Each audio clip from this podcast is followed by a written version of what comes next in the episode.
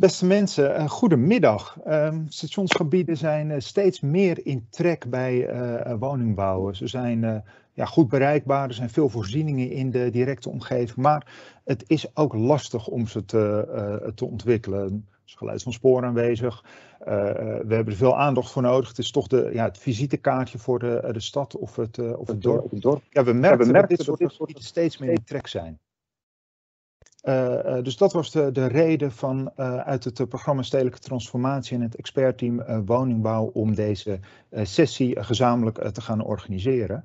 ik ben Maarten Horen, ik ben de trekker van het programma Stedelijke Transformatie, een samenwerking tussen overheids- en marktpartijen om de binnenstedelijke woningbouw te gaan versnellen. Um, ja, en uh, vanmiddag uh, gaan we het uh, met elkaar hebben over de kansen en de mogelijkheden bij die verschillende stationslocaties. maar goed, voordat we dat, um, of nee, ik zal even met u delen wat het programma van vanmiddag is. Um, ja, na dit, na dit welkom, waarin ik ook nog even benieuwd ben wat wie u precies bent en wat uw verschillende achtergronden zijn, krijgen we een algemene inleiding vanuit het expertteam ehm, woningbouw van Antoinette van Heiningen en van um, Dame Holt, die vanuit het expertteam bij een aantal verschillende stationsgebieden adviezen hebben ehm, uitgebracht. Uh, daarnaast um, uh, komt Daan Klaassen van NS-stations aan het woord. die gaat het hebben over de stations als schakel voor de, de verstedelijking. Um, daarna krijgen we inleidingen vanuit de spoorzone in Den Bosch. Erik Veenstra vanuit Den Bosch zal een, zal een toelichting geven op ja, de, de mogelijkheden en de, de kansen die ze daar zien. Harmjan Stalman van de gemeente Purmerend zal ons daarna uh, meenemen in het stationsgebied van uh, Purmerend en de, de, mogelijkheden die daar zijn. Nou, vervolgens zijn er ook nog mogelijkheden voor vragen en een, en een gesprek. Dus nou, dat even als voor het programma voor vanmiddag. zoals gezegd, we organiseren deze sessie samen met het expertteam um, woningbouw. Um, Ronnie Takens vanuit het expertteam is hier ook aan, aanwezig. Uh, Ronnie, zou jij even als uh, inleiding kunnen aangeven, wat is de doelstelling van het expertteam precies voor de mensen die dat niet kennen? Ja, um, het expertteam. Het expertteam is, is in, een expertteam woningbouw van, in opdracht van BZK. En de Rijksdienst voor Ondernemen Nederland, RVO, die geeft ondersteuning aan het expertteam. Dus wij regelen heel veel van de praktische zaken voor het expertteam. En het expertteam is een heel diverse club aan mensen die hun sporen verdiend hebben op het gebied van gebiedsontwikkeling, woningbouw uh, en dat soort dingen. En uh, nou ja, het centrale doel is eigenlijk uh, versnelling aanbrengen in de woningbouw in breedste zin van het woord.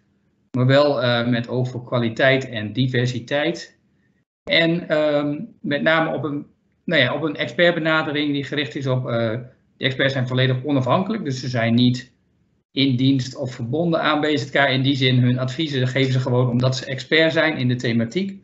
Uh, dus ze zijn helemaal onafhankelijk. Uh, thuis in eigenlijk allerlei, uh, allerlei thema's.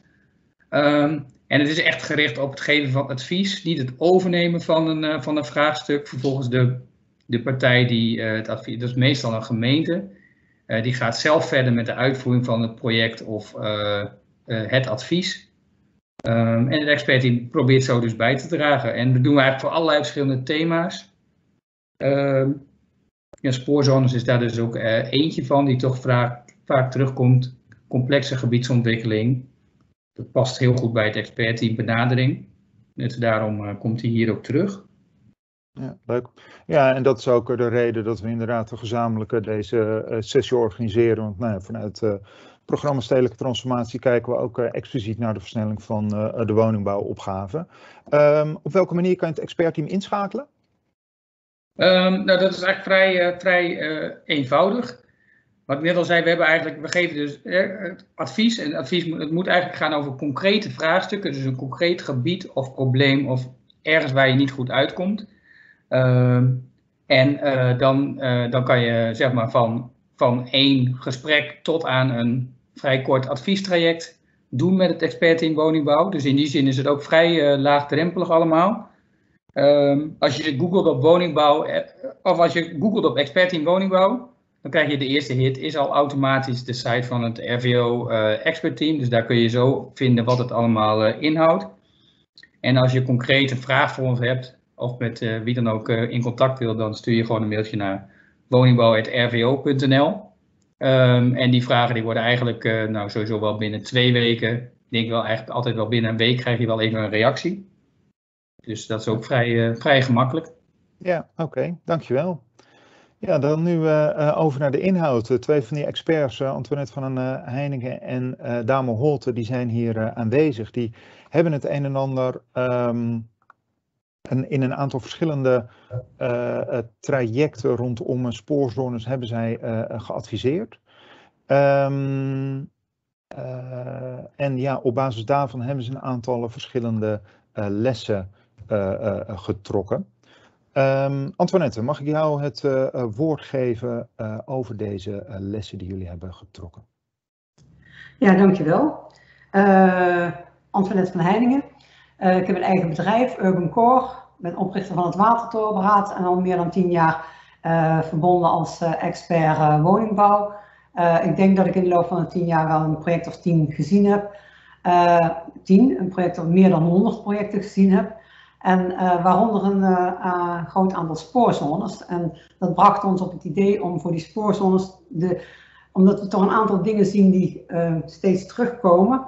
En ook wel weer dingen zien die elke keer maatwerk, verk en anders zijn. Dat het wel aardig is om met een aantal mensen wat wij opgehaald hebben te delen. Dus ik moet even kijken hoe, hoe ik hem vooruit krijg. Ehm, dus wij dachten, laten we die lessen die we daaruit uh, kunnen trekken, laten we die met een aantal mensen delen en zodoende. Drie voorbeelden willen we nu aan de orde stellen. Dat is het stationsgebied Delft Campus. Dat is de spoorzone in Zwolle. En dat is de spoorzone in Purmerend. En als zo'n ehm, vraag bij ons binnenkomt, bij het expertteam binnenkomt, dan is meestal de situatie dat men heel concreet bezig is om woningen te gaan bouwen. Vaak is van plot al in ontwikkeling, of staat men aan de vooravond om die plot te gaan ontwikkelen. En uh, realiseert men zich van ja, de locatie is toch eigenlijk best wel ingewikkeld. Uh, hoe doen we dat uh, met de rest van de locatie en hoe, hoe maken we het geheel uh, tot een fijn gebied? Hoe betrekken we marktpartijen en waar betalen we dat van? En ehm, dus de, de, de vraag naar het hoe komt eigenlijk vaak nadat men bedacht heeft van oh we hebben een concrete ontwikkellocatie. En dan vervolgens de vraag van het why, van wat moet de positie van dat gebied zijn, wat moet de rol van dat gebied zijn, daar is vaak nog niet genoeg over nagedacht. En dat betekent dat meestal als wij aan een spoorzone beginnen, en de spoorzones die we hier als voorbeeld hebben, die we samen met Damo gedaan, dat wij de vraagstelling omdraaien. En dat wij beginnen met uh, uh, wat is de rol van dit gebied, uh, hoe moet je dat aanpakken en dan volgt het wat uh, vanzelf. Het eerste voorbeeld is het stationsgebied Delft Campus. Toen wij bij Delft Campus gevraagd werden, er een, boven zie je een plaatje, linksboven een plaatje wat het stationsgebied Delft Campus is. Dat is een, een spoorlijn met een weg eroverheen.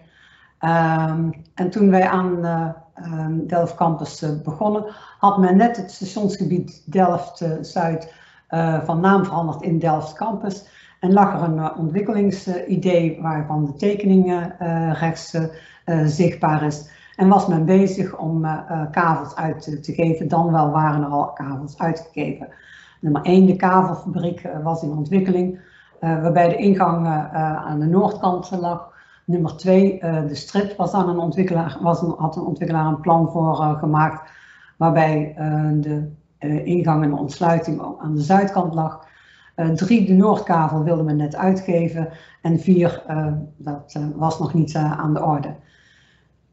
En als je ziet hoe we geprobeerd hebben naar te kijken, dan zeggen we ja, die vier kwadranten die we jullie net lieten zien, die vier witte vlekken, daarvan zeiden wij, je moet niet met de rug naar elkaar gaan staan, maar met het gezicht naar elkaar. En je moet een gebiedsconcept maken voor het hele station. En als je aan het plaatje kunnen jullie zien ehm, wat de ambitie is geweest van uh, Rijk, provincie, de gemeente zelf. NS en ProRail hebben hier aan meegewerkt en de TU Delft. En uh, het plaatje wat we gemaakt hebben is een meerlaagstation met veel groen ertussen. Een enorme woningbouwopgave, veel studentenhuisvesting, maar ook heel veel aandacht voor de verbindingen met, uh, met de wijken. Het tweede voorbeeld gaat over uh, Zwolle. Um, in Zwolle, het gebied wat ingekleurd is, dat is het Hanseland, dat is groter dan de binnenstad uh, van uh, Zwolle. Dat is vaak ook bij die stationsgebieden, dat de stationsgebieden groter zijn dan het centrum. En eigenlijk de potentie van die gebieden is dat ze een tweede centrum kunnen zijn, de tweede hartkamer zou je zeggen, en samen het hart van die stad kunnen vormen. Voor Zwolle is van groot belang dat je eerst eens kijkt naar de verbinding met de binnenstad. Daar is men nu op dit moment ook aan het werk uh, om die verbinding beter te maken. En het station wat we daar aantroffen had met name in zijn toegangen, zowel aan de noordkant als aan zijn zuidkant, nog een situatie die redelijk onaf was. het station was deels vernieuwd, ook het stationsplein. Voor, voor het station aan de noordkant was gemeente een investering van 20 miljoen, ondergrondse fietsstalling. Dat was allemaal bezig. Maar veel van het, uh, van het stationskwadrant uh, of carré, zoals we dat noemden, um, was nog in, had nog, verdiende nog een hele grote ontwikkeling. aan de noordzijde waren veel panden die in private handen waren, maar die het gebied niet geen fraai aanzicht gaven. Aan de zuidkant um, was het, was het op dat moment bij NS een situatie dat men zei, ja, we willen eigenlijk nog een fietsenstalling en we willen eigenlijk nog parkeergelegenheid maken. Terwijl de gemeente met de gebiedsontwikkeling bezig was. Dat was zo'n beetje de situatie die wij aantroffen. En ondertussen wilde men wel helemaal aan de uiteinde van het gebied. Uh, is een enorme druk op de gemeente om woningen te gaan bouwen en deellocaties uit te geven. We hebben gezegd, kijk nou eens eerst wat de positionering van, van Zwolle kan zijn. Zwolle is echt de poort naar het noorden. En uh, dit gebied is van groot belang voor de hele regio, voor, voor het noorden. Maar maakt ook onderdeel uit van het stedelijk netwerk van, van Nederland. Ehm, dus kijk heel goed naar, als je een tweede binnenstad maakt of een nieuw stuk binnenstad, wat je daar kan maken en welke positie dat gebied heeft.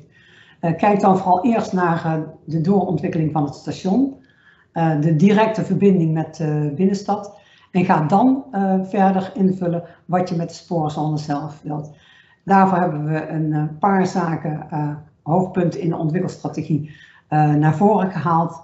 Dat is één, um, een stad maken is um, meer dan alleen maar een, gebiedsontwikkeling, een vastgoed uh, vraagstuk, een grondvraagstuk. Het is vooral een, eh, een, vraagstuk ook van met alle partijen van de stad. Wat wil je dat uh, dit gebied voor positie in gaat nemen? En we hebben toen geadviseerd, smeet een persoonlijke samenwerking in de stad met de cultuur.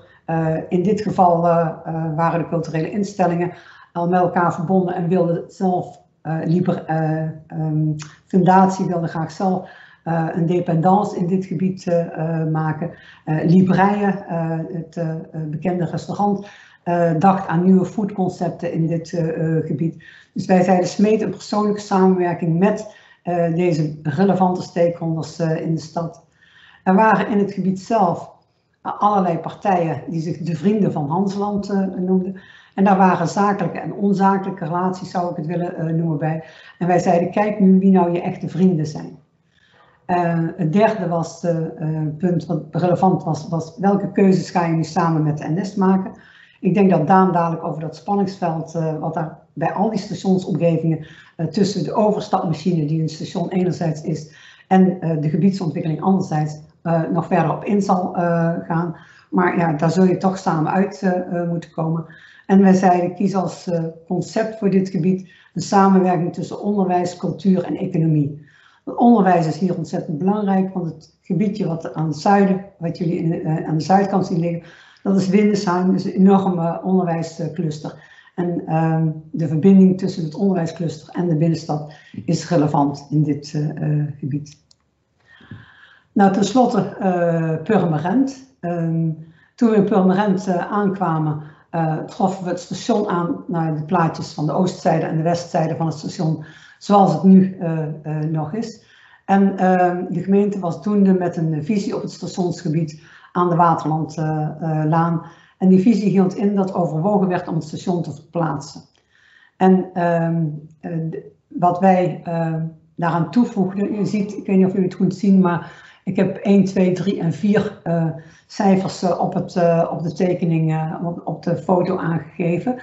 Um, want niet alleen is van belang om het derde kwadrant te ontwikkelen, maar ook 1, 2 en 4 uh, eh, zijn relevant als je het station verplaatst naar het kruispunt met de Waterlandlaan bij het gemeentehuis. dan schakel je direct door naar de binnenstad, ontwikkeling van de Waterlandlaan zelf, maar ook naar de gebieden van 2 en 4, dus de noordkant en de noordoostkant van Purmerend. Harm-Jan Stalman zal daar dadelijk verder op ingaan. En ons, ons advies um, hield, nou, sloot dus heel duidelijk aan bij wat ik voorafgaand zei over de ontwikkeling van de vier kwadranten. Ook hier weer maken herkenbaar station centraal gelegen. Dus die verschuiving van het station kan een enorme boost geven aan de ontwikkeling van, van het centrum van Purmerend.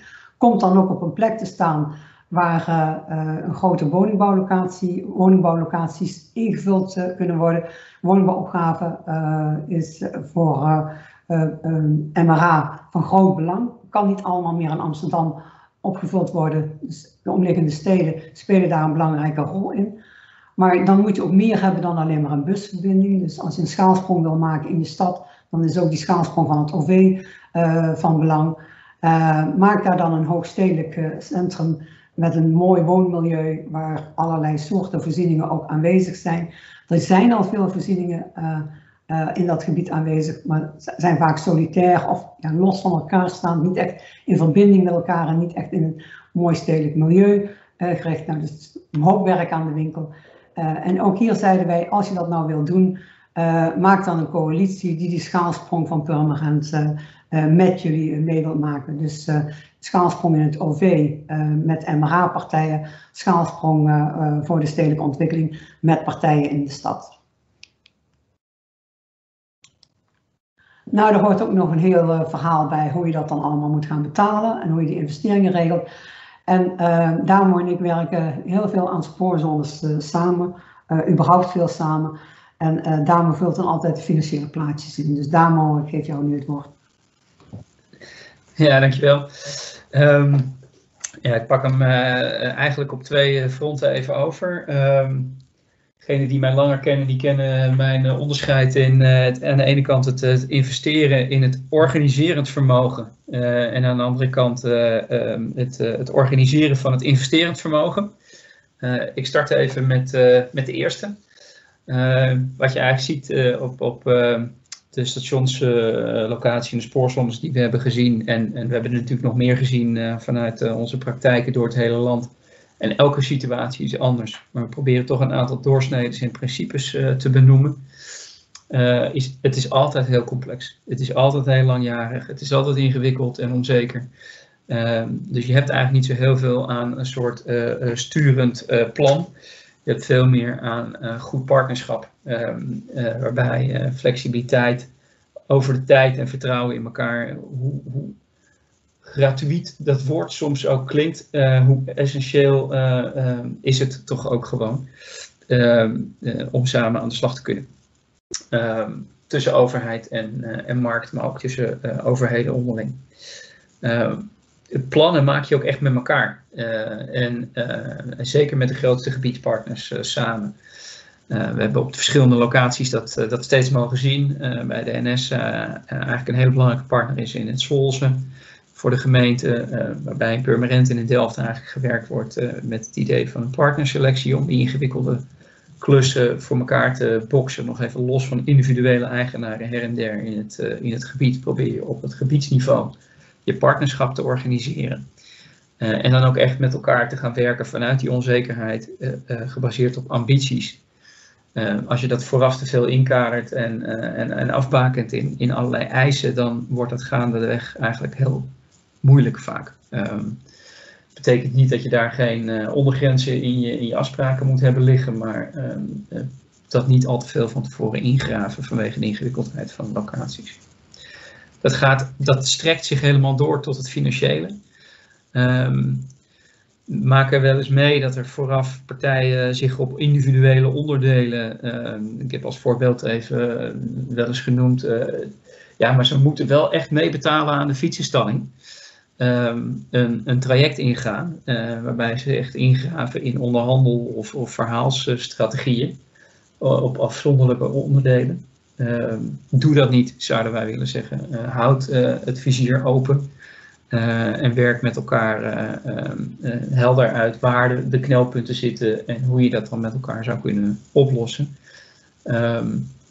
Uh, bij heel veel verschillende eigenaren, um, daar kom ik straks nog iets op terug, uh, kan het wel heel verstandig zijn om iets van centrale spelregels te organiseren um, daarvoor, voor dat proces. Dus het hangt een beetje af van hoeveel verschillende partijen je hebt om mee te dealen in een gebied. Um, ja, onze, onze opvatting, Antoinette heeft er ook al wat over gezegd, is echt, ja, je laat de stad echt een stuk stad maken. Maak die gebiedscoalitie uit de volle breedte van de stad. Um, inclusief bedrijfsleven, maatschappelijke, uh, culturele partijen. Um, horeca voorbeelden werden net genoemd die echt een uitstraling hebben tot, tot ver buiten de regiogrenzen, zelfs de landsgrenzen. Laat dat voor je werken. Dat, is het, uh, het, dat zijn de schatten van je stad, zou ik bijna willen zeggen. En als dat ergens uh, kan mogen komen, dan is dat wel de spoorzone waar iedereen naartoe kan komen Um, Zo'n spoorzone is altijd ook een heel gelaagd vraagstuk. Um, je, we moeten er rekening mee houden dat je in een netwerk hangt. Het, het, gaat om netwerken en knopen. Je, je, hangt altijd aan, aan een verbindenis met andere spoorzones en andere spoorgebieden vast door de transportnetwerken, inclusief goederenvervoer, waar je onderdeel van bent. Um, en dat betekent ook dat dat je die gelaagdheid terug moet laten komen in de manier waarop je afspraken maakt met de verschillende partijen. Um, en wij pleiten er ernstig voor om, om toch een kip-ei situatie die vaak hangt van ja, maar wij kijken naar boven. Wat kan er een keer gebeuren voordat er, wij een keer wat gaan doen? Hè? Wat moet er gebeuren? Ehm, te proberen te doorbreken om ook echt het gesprek samen tussen de verschillende partijen te laten voeren. Ik kom daar straks nog even op terug en wat voor afspraken je dan zou kunnen maken. Um, transparant, uh, opgavegericht. Um, dat, dat klinkt makkelijk, maar het is in de praktijk soms nog best wel lastig om dat, uh, dat zo steeds te blijven doen. En niet te veel vanuit de eigen partijen en, en ingegraven posities alleen maar te blijven praten. Uh, verkokering vermijden is in dit onderwerp essentieel, omdat infrastructuur en woningbouw en, en economie en ook energie en klimaat uh, niet altijd uh, volop met elkaar aan tafel zitten en, en praten. Um, maar samen proberen langjarige afspraken te maken um, is toch wel essentieel. Um, sommige onderdelen worden daar, zijn daar soks voor gemaakt op, op onderdelen als bijvoorbeeld mobiliteit en infra. Dat is wel een hele goede start. En uiteindelijk wil je het doorontwikkelen naar een integrale aanpak. Het is niet een van de casussen, maar bijvoorbeeld in Eindhoven wordt dat op dit moment met een samenwerking tussen gemeente, provincie en Rijk heel nadrukkelijk ook geprobeerd. En in Delft hebben we dat ook gepoogd om uh, zo op te zetten als een, uh, als een ambitiedocument tussen de partijen. Um, ik heb de, de voorbeelden genoemd, het voorbeeld erbij gepakt van de nationale sleutelprojecten. Dat gaat ook om een soort integraal, van boven naar beneden en van links naar rechts over verschillende thema's gerichte samenwerking. Ik schiet naar de laatste, Antoinette, kan jij doorklikken? Ja het organiseren van investerend vermogen. Um, ja, daar gaat het in de kern om uh, uh, het organiseren van de middelen om uh, de boel tot gang te brengen. Eigenlijk is onze les eigenlijk altijd, joh, die gekste van die spoorzones, die zijn in zichzelf echt niet genoeg om al die kosten die daarvoor gemaakt moeten worden te dekken. Zeker niet, het gaat om, om, dingen voor de hele regio. Ehm, het is een schakel in het landelijk netwerk. Um, ook de wel toerekenbare investeringen. Hè? Bedoel, degene die met WBI, woningbouw en ervaringen hebben, zullen die termen inmiddels kennen. Dus wat zou je vanuit de criteria wel tot je geks mogen rekenen van al die investeringen. Die zijn vaak nog te groot. Ehm, en, en vaak is er dus per saldo gewoon sprake van een onrendabele top. Ehm, dat moet daarnaast dus ook geregeld worden. En niet alleen die toerekenbare middelen moeten erbij gebracht worden, additioneel bovenop de geksopbrengsten. Maar ook de overige bovenwijkse investering. Ik zeg altijd, aan een halve brug heb je niks. Een van de middelen die we daarvoor en op een aantal plekken hebben uh, gesuggereerd is het instellen van een fonds bovenwijks. Um, of een strategische reserve vanuit de stad om uh, de gemeentelijke investeringsruimte te vergroten. Uh, bijvoorbeeld zoals Utrecht dat doet door rekening te houden en ook Zaanstad met het afgeven vanuit het gemeentefonds of vanuit toekomst en OZP. Um, maar in feite heb je dat gewoon nodig. Om, om dit soort grotere opgaves te kunnen, aan te kunnen als stad. Financieel partnerschap van, van Rijk en regio zijn ook wezenlijk. Er wordt op dit moment hard aan gewerkt om daar een nieuwe slag in ons land in te maken. hopen we dat het kabinet dat organiseert. met ons allen mee. Um, en de, uiteindelijk, als je naar het gebied zelf vervolgens toe redeneert, uh, is onze ervaring dat als het inderdaad echt versnipperd eigendom is, je goed de spelregels aan de voorkant moet benoemen.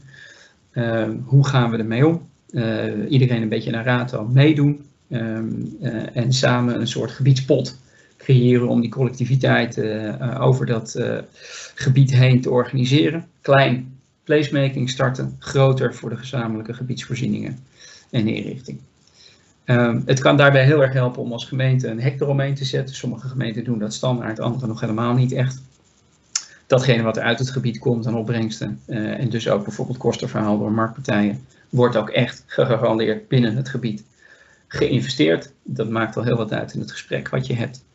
En uh, al met al uh, is vooral het doel om allerlei kip-ei situaties te doorbreken. En, en een daarvan is bijvoorbeeld tussen de markt en de overheid. En wat gebeurt er als eerste? proberen dat voor elkaar te krijgen. Als jij gaat, ga ik ook. En proberen we om samen op basis van voorwaardelijke afspraken van de grond te kunnen komen. Dit zijn zo wat lessen. ik heb nog één plaatje erbij gemaakt, Antoinette, als je nog even doorschakelt. Maar het is eigenlijk al tijd, dus ik ga mijn mond weer houden. waarbij we het een beetje gelaagd hebben getoond hoe je van die grote investeringen tot de kleinere investeringen eh, de boel kan structureren om eh, uiteindelijk een werkbaar eh, financieel model te krijgen om de middelen bijeen te brengen, zowel vanuit de overheid als markt en samen dat zo'n complex gebied als een spoorzone te herontwikkelen. Maarten. Nog even de les. Oh, sorry, Antoinette. Ja. Antoinette mag nog even. Ja. Nog even kort een stukje samenvatting van de lessen. Uh, kijk allereerst veel beter naar de context van de opgave. Dat is wat we overal tegenkomen. Uh, de positionering van die uh, ge gebieden wordt vaak te klein, te klein aangevlogen. De, de, belangrijkheid van die gebieden kan niet genoeg onderstreept worden. Het is niet zomaar een bedrijfterrein wat je aan het transformeren bent.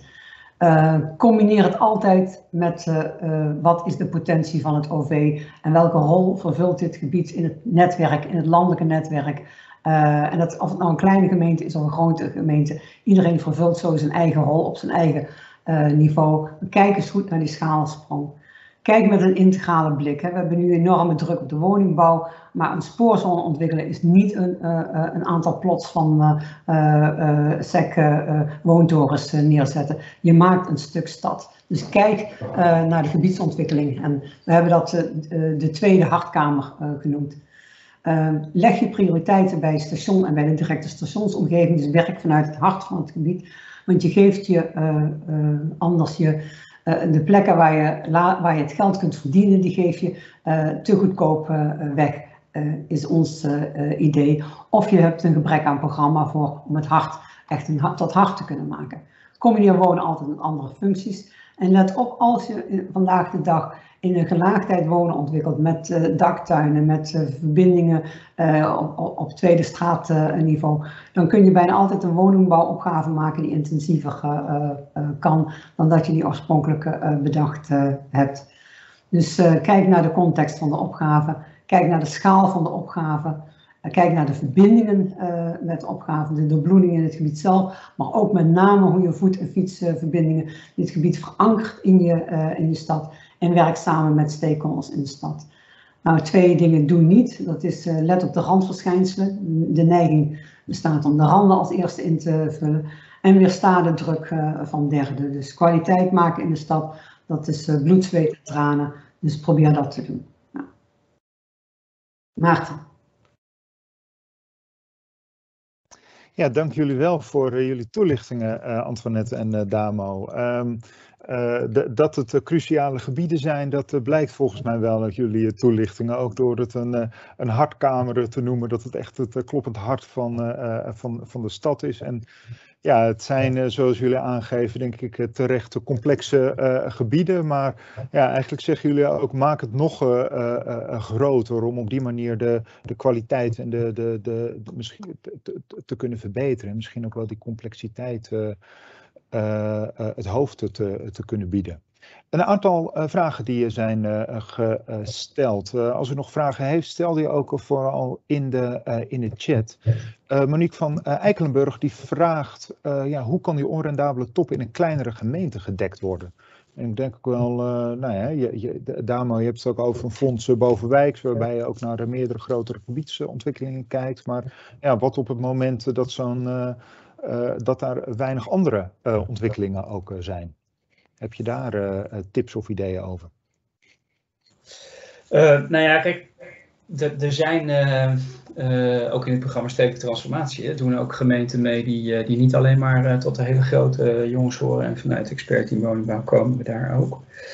Een um, paar dingen die bij mij bovenkomen. Eén is, um, alles is ook wel een beetje in zijn relatieve omvang. Hè? Dus een kleinere gemeente zie je in de praktijk ook vaak uh, dat de uh, uiteindelijke complexiteit, um, nou, de complexiteit hoeft niet minder te zijn, maar misschien de, de enorme gaten zouden soms ook wel eens wat kleiner kunnen zijn, is, is, mijn, is mijn idee. Dat betekent niet dat dat vervolgens zomaar gedekt kan worden, um, helemaal niet. Um, de ik zie bij kleinere gemeenten vaak dat de provincie een grotere rol speelt. Uh, om, uh, om, die ook, uh, om daar ook in mee te doen en het probleem mee te helpen oplossen. Omdat het vaak daar ook toch als belangrijk wordt gezien dat dat soort locaties ook goed ontsloten worden. En in het netwerk een rol spelen. Ehm, en uh, uh, in feite de principes voor hoe je met, met partijen samenwerkt, uh, die hoeven niet zoveel te verschillen tussen grote en kleine gemeenten. Um, die, die zijn even goed toepasbaar um, als het naar de markt toe, toe gaat. Um, dus vooral voorkomen dat er geld weglekt uit het gebied en dat je de opbrengsten die in het gebied te genereren zijn ook echt daarvoor gebruikt. Te voorkomen dat het gat nog groter wordt. Um, en daarnaast, ja, het Rijk is natuurlijk nu druk bezig, uh, opgeroepen door de Tweede Kamer, om uh, meer ook voor kleinere programma's in kleinere gemeentes te kunnen doen. Uh, ik zeg niet dat alles maar altijd door het Rijk opgelost moet worden, maar het zou wel natuurlijk kunnen gaan helpen. Ja, dus ook dat soort mogelijkheden vooral in de gaten gaan, gaan houden. Ik denk wel dat wat je net aangaf, hè, van zorg ervoor dat er, dat er geen um, de financiën uit het gebied weglekken, dat, ja, dat, dat, dat, sluit dan wel weer aan bij een uh, opmerking die Martin Tribos uh, maakt, de financiële druk. Ja, hoe werken we dan door op de kwaliteit, op de bouwdichtheid op de uh, en op de, de kwantiteit ook, en, en ook op de openbare ruimte? Hoe kan je daar op een goede manier mee, mee omgaan? Zal ik die ah. beantwoorden van Antoinette? Wil jij daar... Nee, doe maar. Ja, maar. Nee, allebei goed. Uh, nou ja, kijk, de, uh, ik, maak altijd onderscheid tussen stapeling van opgaven, wat een beetje hier gesuggereerd wordt, hè, um, en stapeling, uh, stapeling van eisen, sorry, en stapeling van opgaven. Um, ik denk dat we altijd te maken hebben met het realiseren van kwaliteit en, en, duurzaamheid, bijvoorbeeld, zowel in gebouwen als in openbare ruimtes. Um, gelukkig hebben die niet altijd alleen maar een negatief effect op, uh, op, de, op het uiteindelijke resultaat van de vastgoedontwikkeling. Maar even goed vanuit kwaliteit en vraag, prijzen, kunnen die een, een opsturend positief effect hebben. Hangt natuurlijk af van welke regio je in, in zit. Ehm, maar het, de, mijn ervaring is in ieder geval wel, probeer niet al te veel te gaan kaasschaven als, als de boel ingewikkeld wordt. Dan, want dan maak je per saldo wel iets wat gewoon niet goed is. En op termijn uh, alleen maar meer geld gaat kosten om uh, weer uh, aan te gaan passen en te herontwikkelen. Dan kan je beter keuzes maken om bepaalde dingen echt heel goed te doen en andere dingen misschien iets meer basic aan, aan te pakken. Um, en uh, ja, als het gaat om bouwdichtheid, uh, daar hebben we inmiddels met z'n allen best wel veel ervaring mee. Hoe je toch ook meer lagen bijvoorbeeld en, en goed verdicht rondom stations kunt ontwikkelen. Dus daar zit best wel veel potentie in. Alleen ja, er zit natuurlijk ook wel grenzen aan. Je kan niet uh, tot in oneindigheid hoger gaan bouwen en dat dan ook de opbrengst altijd maar toeneemt. Op een gegeven moment keert dat zich qua stijging van de bouwkosten weer tegen je. Um, dus dat is ja eigenlijk altijd een optimum proberen te vinden op locatieniveau en altijd in overleg met de markt dat doen. Want je weet met elkaar hoe al die randvoorwaarden zitten. En ik heb het idee dat er nog wel eens te veel gewoon aannames over en weer worden gedaan. Uh, wat dan leidt tot allerlei ingewikkelde gesprekken die misschien helemaal niet nodig zijn. Die transparantie die je ook uh, benoemde. En ja, is niet ook een, een onderdeel van uh, je boodschap. Uh, de, de, de, verdienpotentie eh, van die gebieden die, eh, die is er gewoon niet. De, er is gewoon bijna altijd sprake van een onrendabele top. En hou daar nou ja, mee. ja, de verdienpotentie is er natuurlijk wel vanuit de vastgoedontwikkeling. Alleen dat is vaak niet genoeg om alles wat je moet doen in zo'n gebied uh, aan, aan infrastructurele en civiele investeringen allemaal ook te kunnen bekostigen. Uh, zeker vanwege het feit dat het een investering is die voor de hele stad of de hele regio ja. aan de orde is dat is wel een, uh, dat is een verschil. Er valt wel degelijk natuurlijk geld te verdienen op de vastgoedontwikkeling. Dat is nog iets anders dan uh, de totale business case. Helder, dankjewel. Uh, Antoinette, je noemde het einde van je toelichting de, de druk van derden, dat je daar ook voor op moet passen. Wat heb je daar een voorbeeld van, vraagt Jan-Willem Fortuyn. Nou ja, wat je altijd wel in dit soort gebieden, dat er dus heel veel, er zijn heel veel plots. En met name de plots die op de makkelijke locatie liggen, daar is dan de druk om, om daar maar gewoon een woontoren te maken. Dus dan komt er een ontwikkelende partij bij de wethouder op bezoek en zegt, ja, dit kan, dit kan ik maken, dit is mooi voor je stad. Terwijl dat eigenlijk misschien helemaal niet in jouw plaatje past. en, en je eigenlijk, of, of je bent nog niet zover dat het in je plaatje past. Bijvoorbeeld in het voorbeeld van Delft Um, bij het voorbeeld van een van deze locaties wilde iemand drie woontorens neerzetten. Terwijl dat voor ons, uh, als we dus, nadat we dat toekomstbeeld gemaakt hadden, was duidelijk hoe je daar een meerlaag station zou kunnen maken, hoe je verbindingen zou kunnen leggen tussen het ene gebied en het andere gebied, hoe je de gebouwen echt zou moeten omdraaien en richting station zou moeten zetten in plaats van richting de autoweg. Dus kortom, als je toegeeft aan de druk van derden. Van oh, ik heb een stukje van dat gebied en laat mij dat stukje van dat gebied ontwikkelen. Dan kun je wel eens heel erg bedrogen uitkomen. stationsgebieden zijn ook altijd onderhevig aan, aan, aan, de, aan de fluctuaties van de markten. Nu zitten we weer in een hele opgaande markt. Maar wat er daarna, dadelijk na de coronacrisis over een paar jaar, waar we dan zijn met het met, met, de bouw. Niemand, uh, hè, degene die het weet mag het, mag het zeggen. Maar dan, dan, zie, je ook weer dat, of dan zie je dat er vaak op kwaliteit wordt ingeleverd. of um, ja, openbare ruimte, onvoldoende kwaliteit, dan een onvoldoende kwaliteit in de openbare ruimte kan maken. En dat zijn, zijn eigenlijk allemaal ja, sectorale zaken die van buiten kunnen komen, maar die ook van binnen uit je organisatie kunnen komen en die op jouw project en, uh, eigenlijk de verkeerde invloed hebben. Ja, dus kijk echt naar de, de, doelstellingen ook die je in dit uh, gebied hebt. hebt. Antoinette en Damo, dank jullie wel voor deze inleiding naar, naar aanleiding van een aantal verschillende gebieden die jullie hebben gezien. Um, nou, jullie zijn nog aanwezig, dus mochten er nog uh, latere uh, vragen zijn, dan kunnen die nog, nog aan bod komen.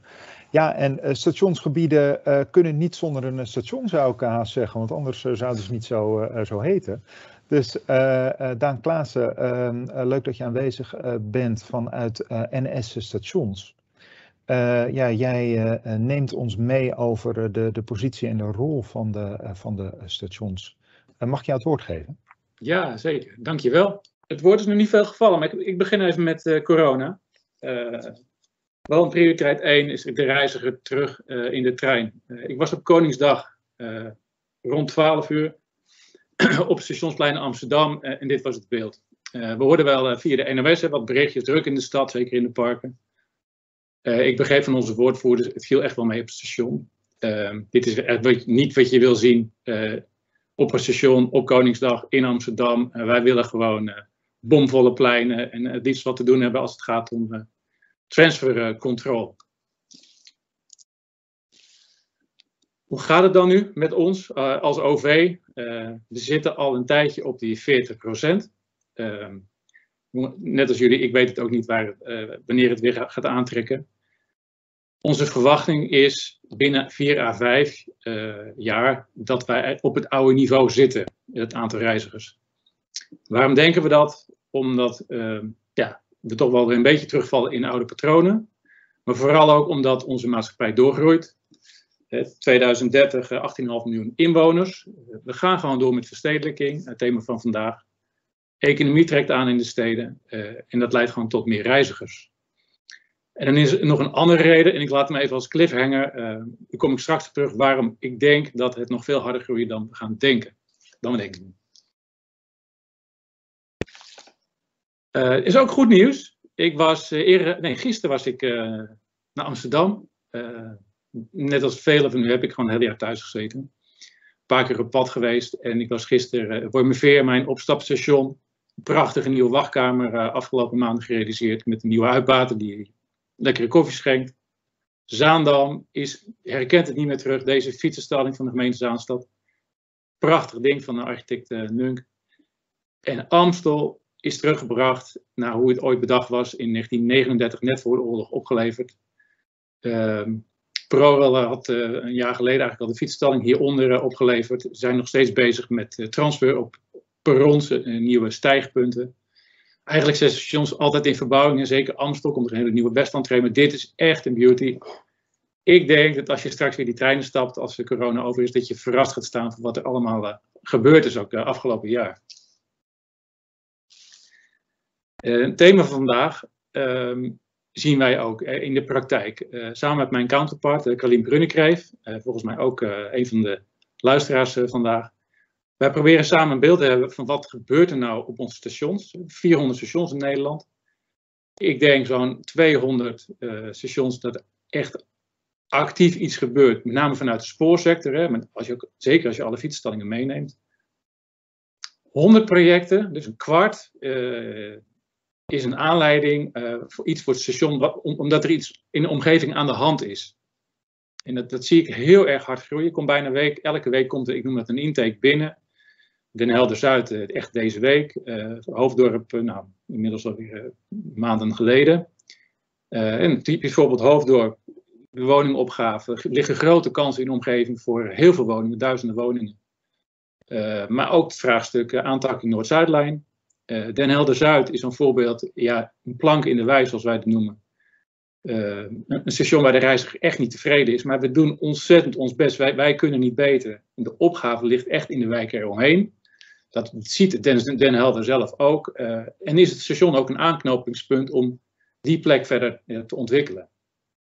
En Wolfhezen is een voorbeeld. Um, het ProRail met versneld tempo alle overwegen aan het weghalen is. Hè, met tunnels of, of, bruggen om het veilig te krijgen. Hartstikke mooi. Um, en als het in de buurt van het station is, dan raakt het ook heel snel het station. We zien dat in Raalte, Nijkerk, uh, ja, Driebergen is een heel mooi voorbeeld net, net, net opgeleverd. Uh, Herengewaard, het zijn er veel. Um, en dat geeft direct aanleiding ook om, om de omgeving aan te pakken. Dan even, hoe kijken wij vanuit NS nou naar de opgave en het thema van vandaag? Hè? Net voor corona hadden we onze nieuwe strategie 2025 uh, gepresenteerd. En die bestaat uit drie grote pijlers. De trein en het netwerk van de toekomst. Maas, de, de, het flexibel en veelzijdig reizen met de NS-app, de digitale wereld. En dit vind ik heel stoer. Het middelpunt van dat geheel is het station als knooppunt van mobiliteit en leefbaarheid. En ik ga dat ook zo direct toelichting op geven. Mobiliteit, wat je ziet is dat NS letterlijk van terreinbedrijf naar mobiliteitsbedrijf aan het uh, transformeren is. Het thema leefbaarheid letterlijk ook vertaald is naar hoe maken wij een duurzame samenleving? Hoe zorgen we ervoor dat die woningopgave daadwerkelijk gerealiseerd kan worden en ook bereikbaar is voor iedereen? Uh, de duurzaamheidsopgave, uh, klimaatadaptief, noem maar op. Het zit er allemaal in. Het woord is net al een paar keer gevallen. Hè. Stations zijn complex ehm, en veranderen. Stations veranderen sowieso heel snel. Dit is een beetje het beeld wat ik nou, in mijn studententijd. Ik ging met de trein naar het station, ik kreeg nog een kop koffie. Er was een bus en je kon je fiets, nou, als je mazzel hebt, ergens uh, parkeren. Maar daar zijn daarna heel veel netwerken bijgekomen. Je ziet het met name terug op de sleutelprojecten waarbij de netwerken letterlijk geïntegreerd zijn. Hè. Metro, busstations geïntegreerd in een Utrecht Centraal en in Rotterdam. En dat leidt tot veel grotere en complexere uh, knooppunten. En met het samenkomen van die netwerken zijn ook veel meer aanbieders. Hè. NS is zeker niet de enige meer uh, op het spoor, maar ook de aanbieders van nou, de deelmobiliteit, de Donker Republics, de Felix, de, de, de noem maar op. Velen van u zullen ze ook in de, in de telefoon hebben. Um, en dat leidt ook tot allerlei platforms. Hè. Dit is de digitale laag over onze stations, of zoals heel veel mensen tegenwoordig mooi zeggen, mobility hubs. En dan krijg ik van collega's de reactie van, ja maar Daan, deze plaat is veel te complex. Ja, I know. Maar dit is wel onze wereld. Of het nou een heel groot station is of een klein station. Dit is hem gewoon.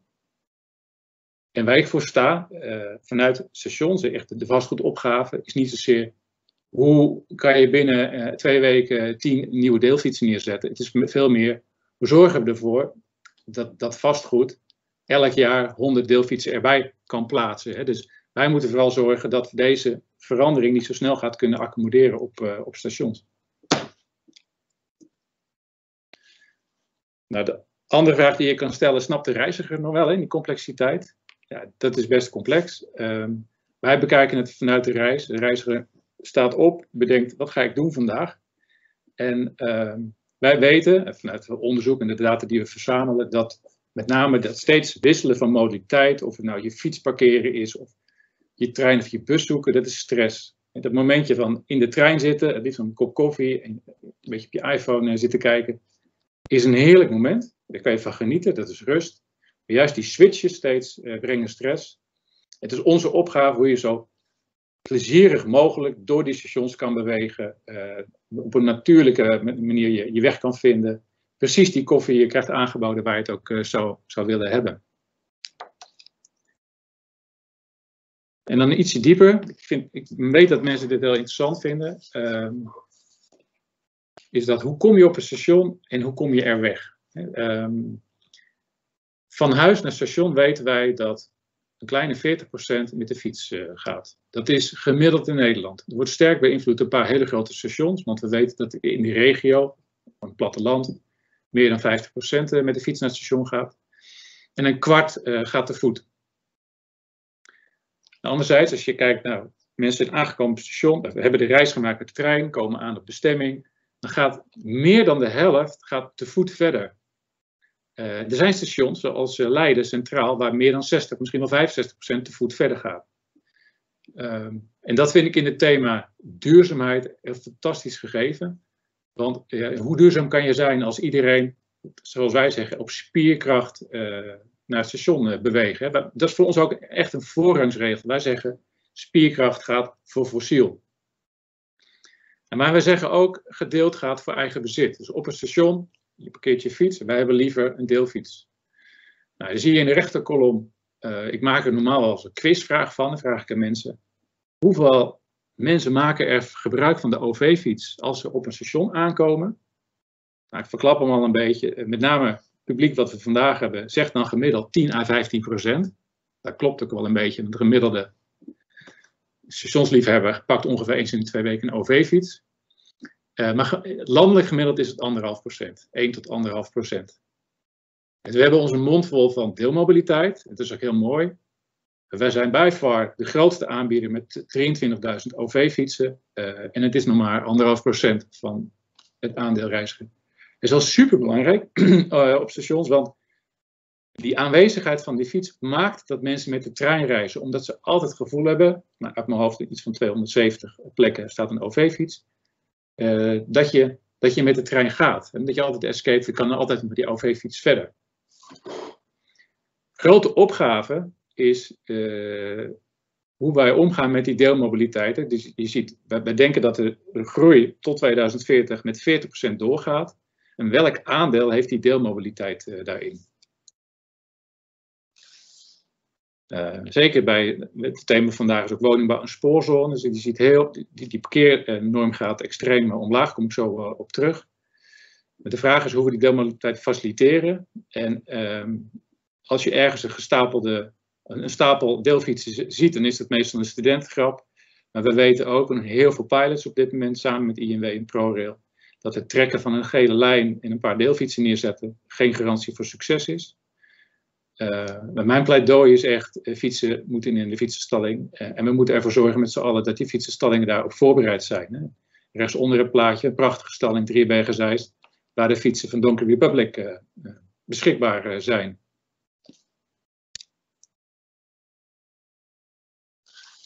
Dat is wel een hele grote vraag landelijk. In de stad is het niet zo moeilijk om zo'n deelfiets eh, te verhuren.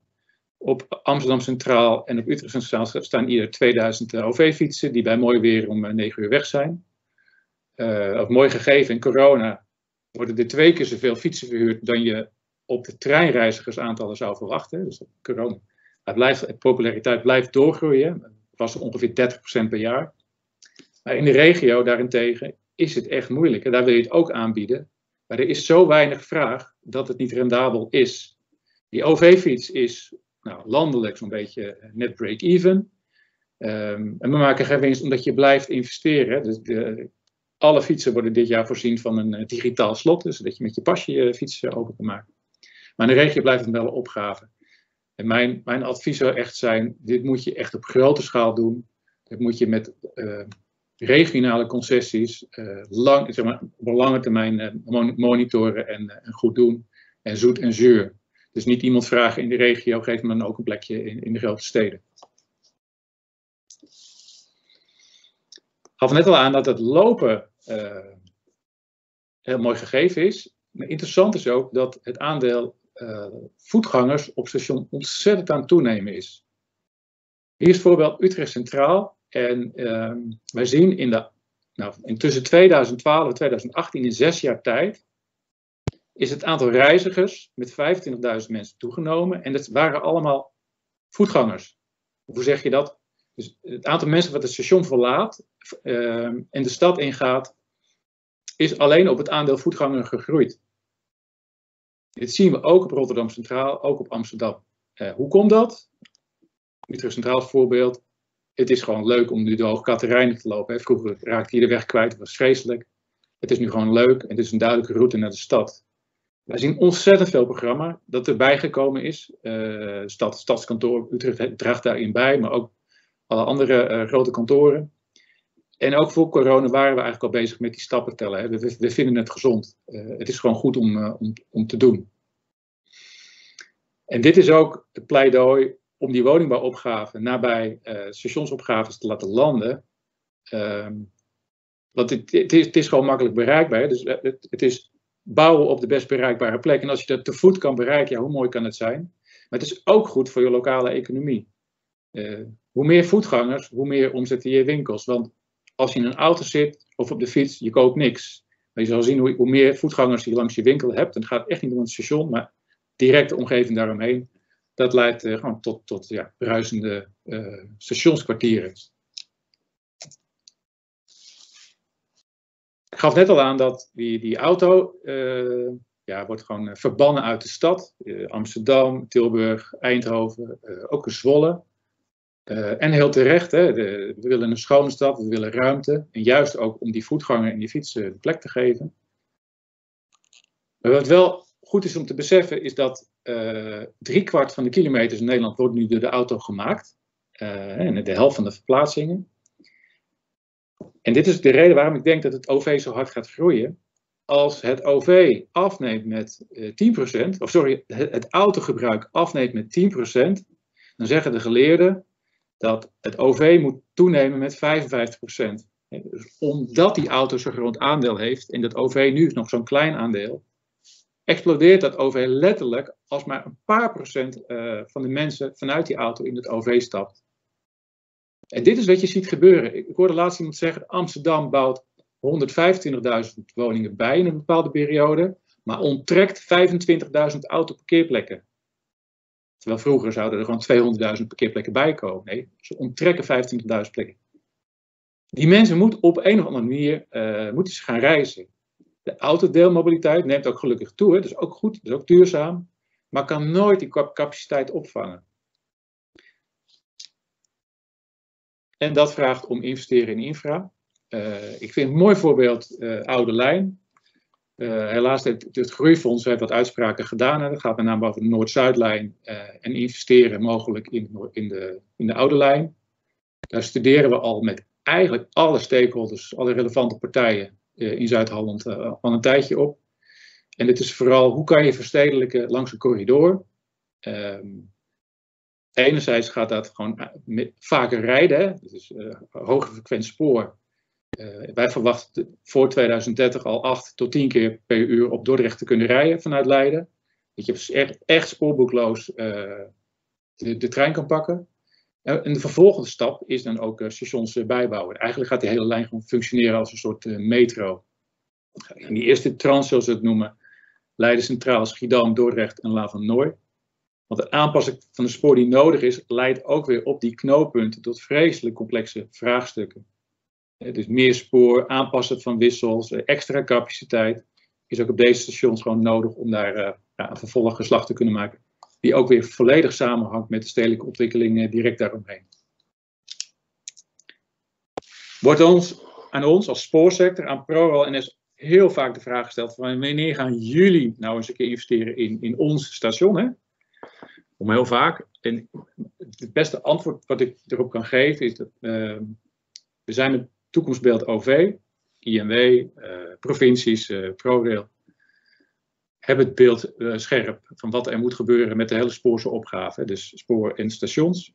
Dan zie je drie dingen door je oogharen. Enerzijds moet er geïnvesteerd worden op basis op orde.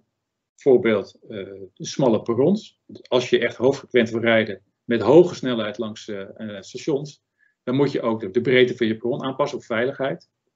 Noemen wij transferopgaves. Er is een kwaliteitssprong nodig in heel Nederland op heel veel stations. Gewoon puur omdat het de verloedde bij ligt, uh, eh, 50 jaar oud is en een likje verf nodig heeft. Of gewoon vergroot moet worden. En de derde is de schaalsprong. Den Bosch komt vandaag ook als voorbeeld. Dat je met meer spoor uh, en meer reizigers knelpunten krijgt op het station, maar dat je ook letterlijk ziet dat het station knelt uh, in de stad. Het Paleiskwartier is een zeer succesvolle ontwikkeling, maar je ziet nu al dat het letterlijk knelt tussen het station en het Paleiskwartier. Hoe ga je dat doen? Dus als je Den Bosch gaat vergroten, misschien willen we er wel onderdoor met een uh, voetgangerstunnel, hoe, hoe doe je dat dan? Nou, de opgaven zijn ieder heel voorzichtig ongeveer 2,5 miljard. Dus als je deze opgave pakt, in Nederland hebben we het al over 7,5 miljard. Het is gemiddeld 20 miljoen per station. Kleine gemeentes kunnen dat nooit, die vraag werd net gesteld, die kunnen dat nooit dragen. Daar is hulp voor nodig. Uh, vanuit, echt gewoon, dit zijn gewoon politieke vraagstukken, feitelijk. Ook een uitnodiging van ons, hè, vanuit, uh, ik denk dat ik het ook met naam Scroll mag zeggen, eh, NS, dus wat je ziet, uh, wij noemen dat regionalisering. Uh, provincies investeren heel veel in onze stations, uh, gemeentes ook. Ehm, ik weet het niet op miljoenen nauwkeurig per station. links is voorbeeld Maastricht. Er ehm, ligt een fantastische fietsstalling onder de grond. En daarmee kan de rotzooi op het plein is opgeruimd. Uh, de gemeente heeft een fantastische loper uitgerold, letterlijk naar de stad. Het is echt een feest om daar nu te zijn. We mogen niet naar het buitenland, maar ga vooral eens een keer Maastricht kijken en verwonder je over hoeveel kwaliteit er is toegevoegd door investeringen door zo'n gemeente, door de provincie. En zo'n fantastische fietsstalling. we hebben de visitatiehal hebben we opgeruimd, personeelsruimte verplaatst in het gebouw, komt grote horeca, nou, noem maar op. Ook station Maastricht is nooit klaar. Hè? De stad kijkt nu weer verder, met name aan de andere zijde. We hebben ook een Roosendaal. Toevallig ook zo'n groot uh, grensstation. Hè. Ten oudsher zijn die grensstations heel erg groot. Uh, ja, Roosendaal staat er gewoon bij, zoals je hier ziet. Bijna leeg. Uh, een beetje anti-kraak. En ik denk in het licht van, van die opgaves die ik net aangaf, is dat wij kunnen niet alles aan. En dit, is, daarom, dit zijn de visitekaartjes van de stad. Ik zeg wel eens, van zo'n station is voor de stad zelf maar veel belangrijker dan voor ons. Eh, dus ook een uitnodiging aan een, aan een gemeente als Roosendaal. Maar dit speelt ook in Middelburg, in Dordrecht, in Opkampen. Een kwart van alle stations is Rijksmonument. Uh, als, als, ik al met mijn vinger aan zit, ben ik een paar miljoen kwijt. Dit zijn gewoon hartstikke uh, moeilijke, maar wel belangrijke opgaven voor de stad. Een uitnodiging nogmaals om, om dit samen met ons op te pakken. Um, Twee mooie voorbeelden. Uh, ervaringen, Horen en Nijmegen. In Horen, uh, vier jaar geleden, kwam de gemeente en zei, joh, we hebben een plan en dat is al goedgekeurd door de gemeenteraad. Dat hoor ik heel vaak. dit is ook echt een oproep naar alle gemeenteambtenaren die vandaag luisteren. Alsjeblieft, meld je zo snel mogelijk en doe het samen met ProRAN, met ons en met IMW. Begint al heel vroeg uh, samenwerken. Horen zij, we gaan de busstation aan de andere kant plaatsen en we willen dat auto parkeren willen in, eh, in een doos stoppen. Nou, dat was wat makkelijker gezegd dan gedaan. Uh, we, hebben, we hebben het toen samen opgepakt en daarom schrijf ik er ook boven. Begrijpen, synchroniseren en instappen. Het begint met begrijpen. Begrijpen we elkaars opgaven. Ik heb letterlijk een aantal keer uh, zelf ook uitleg gegeven hoe wij als NS naar deze spoorzone kijken in, in de gemeenteraad. Uh, en andersom je ook begrijpen wat, wat zeg maar, het, het kloktempo is van, van zo'n stad. Hè. Het ingewikkelde is dat gemiddelde spoorzone duurt 16 jaar, of stationsopgave, maar die wethouders zitten maar voor 4 jaar. Dat maakt het uh, wel eens wat uh, complexer. In Nijmegen ehm, is het voor mij vooral synchroniseren en instappen geweest. Um, vooral het programma lopen, het programma hoofdfrequent sporen, PS, aanpassen van de sporen. Dat leidde tot een grote verbouwing van de perrons, waarbij de gemeente, ik maak even heel, heel kort in Nijmegen, zei, joh, wij willen heel graag een nieuwe Westentree. Nou, als ik het goed heb, hebben ze die volgens mij bijna zelf helemaal gefinancierd. Uh, misschien zelfs met, met, de hulp van de provincie. Maar het is een heel mooi voorbeeld dat de, de volgorde van zo'n gemeente stapt zo vol in. Uh, dat wij ook zeggen van ja, wacht eens even. En ik tegen mijn collega's kan zeggen van, hey, daar is echt wat aan de hand. Als wij nu meedoen, leidt het mogelijk ook tot meer investering. Doet provincie mee. INW denkt, ja, ik kan het er ook niet bij laten zitten. En dan ontstaat het momentum, uh, wat ook net werd uh, genoemd, dat investeringsvermogen, dat moet je ook organiseren. En, en, dat is net het vinden, het synchroniseren van hoe komen de juiste gelden op het juiste moment bij elkaar. En wanneer. Voor ons is het heel ingewikkeld. De Den Bosch kwam voorbij van ja, NS doe je mee. Ja, op wat? Dus dat is ook even zoeken wanneer wij instappen en zeggen van wij kunnen investeren. Ik zal, in Nijmegen, wat ook heel mooi is, dat het ontwerpend geheel, dus de stedelijke kader, vaak een hele mooie manier is om te praten over de ambitie van je stad.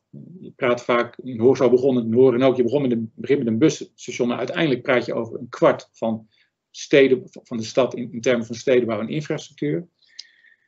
Uh, het beeld wat laat zien van Nijmegen is het uh, kaderruimtelijke ordening. Samen met spoorbouwmeesters en, en het stadsbouwmeesters opgesteld. De allerbelangrijkste, hoe houden we het station bereikbaar? Hoe zorgen we dat het leesbaar is voor die reiziger? Dus maak het niet te ingewikkeld. Ga niet eindeloos stapelen met alle politieke lijstjes van alle wethouders. Voor een station, het gaat gewoon, hoe maken we deze stad bereikbaar op een duurzame wijze? Dat is de essentie. En ik wil als laatste deze suggestie meegeven. Een prachtige document uitgebracht, een paar weken geleden door uh, onze spoorbouwmeester Erik Luiten en Miguel Loos. Uh, het nieuwe stationskwartier, waarbij je inspiratie kan opdoen van hoe, hoe, hoe, je naar een station kan kijken in relatie tot de stad. Het gaat over integratie, de rol van de kwaliteit van de openbare ruimte. Hoe ga je om met meervoudig ruimtegebruik? Nog niet genoemd vandaag, maar ook toekomstige groei. Ik krijg het echt benauwd van, al die hoge torens die net ook genoemd worden tegen stations aan. We zetten de boel veel te veel klem. Hou ook gewoon ruimte voor de toekomst. Met de voetganger op één. En het is altijd maatwerk. En Rotterdam Centraal is anders dan een bos en, en een wolvezen of een raad. Is mijn verhaal. Ik nodig uh, uit om het samen te doen. Daan, uh, dankjewel. En uh, dankjewel ook voor de, voor de uitnodiging die je aan de verschillende mensen hebt, of aan, aan de deelnemers hebt gegeven. Uh, ja, de, de, de, de voetganger dus op, uh, op één zetten ook. En naar aanleiding van een van de, de laatste opmerkingen die je ook nog maakte, die, en, en ook dat de, de, de, de toegang tot de steden stelt Jeffrey Wassink ook de vraag, worden veel stationsgebieden niet allemaal hetzelfde voor de reiziger als ze de entree zijn voor de, voor de stad? Hoe kan je nog die identiteit behouden? Nee, elke, nee, dat is niet aan de orde geweest. dat visitekaartje is gewoon heel stedelijk. Of eh, voor de stad zelf. Mooi voorbeeld, Ede-Wageningen, net aanbesteed. Als je naar de beelden kijkt van het nieuwe Ede-Wageningen, dat is letterlijk de poort van de Veluwe. De architectuur en, en het groen geeft de relatie. Je hebt straks echt het gevoel, ik, ik kom aan op Ede-Wageningen. Zaandam, ja, of je het nou kermis vindt of niet, ik vind het fantastisch. Ik ben Zaankanter. Dat is onmiskenbaar, dat is Zaanse architectuur. Dus die, en de trots van de Rotterdammers, uh, hoe ze het station ook noemen. Dus je bent er zelf bij als gemeente. Wat het juiste karakter is voor jouw station. Ja, helder. Um, rondom de uh, deelfietsen uh, gaf je aan hè, dat er een uh, groot verschil zit tussen de, de grote stations en de grote steden en de regio. Qua ja. ook ja, of het uit kan. wat, versta je daar, wat verstaan jullie dan daarbij onder de regio? Platteland. Ja, het is een groot verschil tussen de stad, eh, de, de, wat wij de top 40 stations, de G40 eh, en de rest van het land. Ja, ja oké, dankjewel. Dank uh, ook voor je toelichting. Er zijn nog een aantal vragen ook gesteld die ja, iets meer gaan ook over de, de, de, de, manier waarop de NS tegen de, de frequentie van de verschillende lijnen aankijkt. Als je die misschien nog even in de chat zou willen uh, beantwoorden. Nou, die, die staan enigszins los van de, de, de woningbouwopgave die we in dit uh, gebied uh, hebben. Daan, dankjewel voor deze toelichting en ja, ook de, de, de, de rol van de stations en ja, ook, ook hoe jullie tegen die stations aankijken. Want ik denk dat dat voor die ontwikkelingen ook ontzettend van belang is om te weten wat, ja, wat voor jullie ook het belang is van die verschillende stations. Dan nu uh, ja, tijd voor uh, twee uh, verschillende um, voorbeelden um, vanuit Den Bosch en vanuit Purmerend. Um, beide zijn al eventjes in de presentaties aan bod gekomen. Daan die noemde Den Bosch al, Antoinette die noemde al als voorbeeld, maar daar gaan we nu iets meer de diepte in. Um, Erik, Erik Veenstra van de gemeente Den Bosch, mag ik jou het woord geven over um, de stationsontwikkeling uh, en de, de spoor, spoorzoneontwikkeling bij jullie in Den Bosch? Ja, dankjewel Maarten. Natuurlijk mag dat. hartstikke leuk om jullie mee te nemen in, in die knooppuntontwikkeling en de ontwikkeling van de spoorzone in Den Bosch. mijn naam is Erik Veenstra, ik werk sinds 2017 aan deze prachtige opgave. Ik zal ook even een eh, presentatie uh, naar boven toveren. Zo. Uh, de spoorzone in Den Bosch. Uh, ja, even een hele korte schets van, van de geschiedenis. ooit, zoals in vele plekken, denk ik, hadden we een, een station. een station, dat, dat is inmiddels, zijn we aan het vierde station toe in, in Den Bosch. Van een houten variant tot variant die in 1998 is gerealiseerd. Maar oorspronkelijk was de, de spoorzone het gebied westelijk van, uh, van het spoor, een industriegebied. En um, dat is in toenemende mate buiten gebruik geraakt. En uh, in de loop van uh, richting het eind van vorige eeuw zijn daar eerste stappen gezet in het opnieuw leven geven aan. wellicht kennen jullie het wel, het Paleiskwartier een uh, publiek-private samenwerking. Die in de loop van uh, de jaren 90 heeft geleid tot een, uh, ja, een, een heel nieuw gebied aan de westkant van het spoor. En ehm, via die ontwikkeling is het doorgaan. Dat is wel een behoorlijke vliegwiel geweest voor, voor verdergaande ontwikkeling. En eigenlijk zie je dat vanaf de, de realisatie van, uh, van het paleiskwartier, dat de, spoorzone, het gebied, met name aan de westkant van het spoor, steeds meer gevuld is geraakt. Inmiddels, uh, ja, we zijn er weer wat verder. Dus we spreken al een tijdje over de spoorzone, maar eigenlijk zitten we nu wel bij spoorzone 2.0, misschien zelfs al spoorzone 3.0, want dan blijf ik even uit uit die, discussie. Maar het ontwikkelt zich steeds nog verder door. Um, Inmiddels, uh, die, die spoorzone is door het Rijk uh, aangewezen samen met de spoorzones van Breda en Tilburg als de, de 14e grote woningbouwlocatie, zoals die in de Novi genoemd zijn. We, we, spreken hier meer over dan kantoor en, en, een beetje onderwijs en andere soorten ontwikkelingen los van elkaar alleen. Maar het is wel echt een gebied van, van innovatie. En met name de data-ambities uh, uh, die Den Bos heeft, een toongegeven datastaat, die komen hier wel heel erg tot wasdom. En daar zit ook een, uh, een ontwikkeling aan vast waar ik straks nog even aan terugkom. Het is een economische motor voor, voor de stad, maar voor meer dan de stad en ook voor de regio. En zelfs de Rijk ziet dat belang dus wel. Ehm, het is een interactiemilieu nu al. We hebben veel mix van functies, maar daarin uh, zullen we echt nog wel een stap uh, moeten en willen maken. En uh, een van de onderdelen om dat te doen is woningbouw. Ik zag net al iets langs flitsen in de chat over woningbouw in deze zones. Nou, hier willen we toe naar verdubbeling in de periode grofweg tot 2035. Ja, en daar stopt het natuurlijk niet mee. Daarna wordt het wel ingewikkelder, want de ruimte is steeds meer gevuld. Maar uh, ik denk dat we in datzelfde tempo, of zelfs in groter tempo, nog door gaan groeien.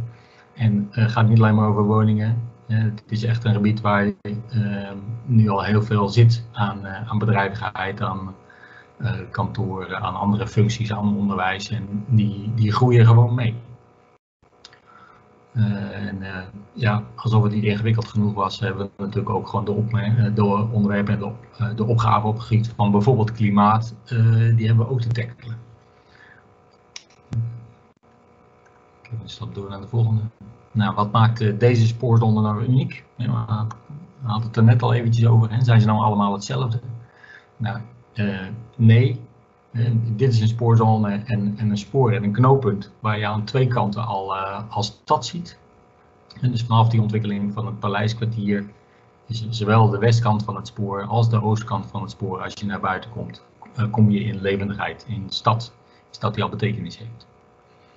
Um, die unieke kracht, ja, jullie zien aan de linkerkant zeg maar een soort plaatje met uh, in, in donkerbruin uh, aangegeven allerlei eh, vastgoed en bijvoorbeeld met het Jeroen Bos ziekenhuis, de Brabanthallen, dus de rechtbank, een aantal grote ontwikkelingen die ook wel basis zijn geweest voor die ontwikkeling van, van de spoorzone aan de Westzijde. Eh, de, de grote mix is denk ik ook tot nu toe al een, een kenmerkend item in de spoorzone van Den Bosch.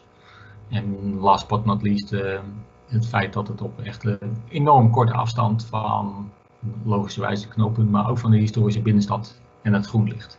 De is vanaf het hart van de spoorzone nog geen 900 meter lopen en dat geldt ook eigenlijk voor de, de groene gebieden aan de noordkant rond de Edveldplas en de gebieden aan de zuidkant, eh, bijvoorbeeld de Bossenbroek. Um, ja, de historische binnenstad, ik had het er al eventjes over. Een soort uh, counterpart uh, van de spoorzone. De historische binnenstad is natuurlijk ooit begonnen. En tegenwoordig zien we eigenlijk wel dat de spoorzone eigenlijk een soort eigenwijs zusje is van die historische binnenstad. Nou, we hebben natuurlijk al eh, door de jaren heen eh, heel veel eh, beleid verzameld en ontwikkeld. En in grote lijnen zie je wel, als je door dat beleid heen kijkt, dat het steeds meer en meer en meer gaat over verdichten met een zware mix van, van functies. Ehm, dat het gaat over een gebied waar we met name, of heel sterk, ons industrieel en historisch verleden gebruiken. waar we inzetten op, op experiment. Dat is ook wel een, een gebied waar je dat heel erg terug ziet. en op participatie van belanghebbenden, of belanghebbende partijen. Het is al eerder ook door Antoinette en, en Damo genoemd. Hè, van, doe het samen met de stad. Dat werd bijvoorbeeld al in die PPS, maar nu nog veel meer geprobeerd. Uh, het gebied zoals het er nu bij ligt met een aantal projecten, waar ik straks wat meer over zal vertellen. Uh, eigenlijk zien we drie brand, brandpunten in de vernieuwing van, van de spoorzone, of de doorontwikkeling van de spoorzone. Dan gaat het over het noordelijk deel, eigenlijk het gebied waar de A en de Diezen elkaar kruisen. met projecten als de Bosse Stadsdelta, EKP, Grasso Grenko. Grasso is een van de, het, een van de gebieden waar industriële erfgoed uit het verleden zit.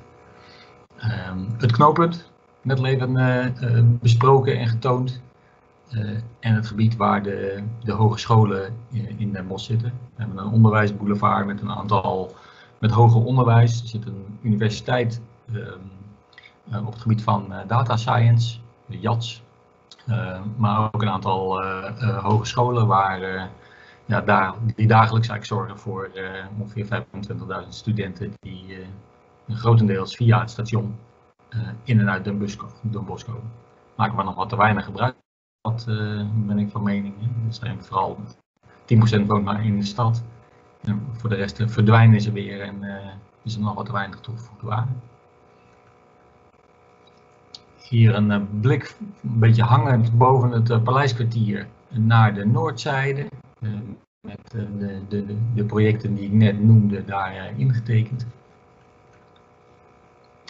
Even een ietsje dieper ingaan op die um, projecten. IKP Noord, dat is een, een gebied langs de spoor zijn. Uh, echt tegen de spoorlijn aangeplakt, net aan de westzijde. een gebied waar een tender is uitgezet een tijd geleden. rond dus de, de plek van het oude expeditieknooppunt van PostNL.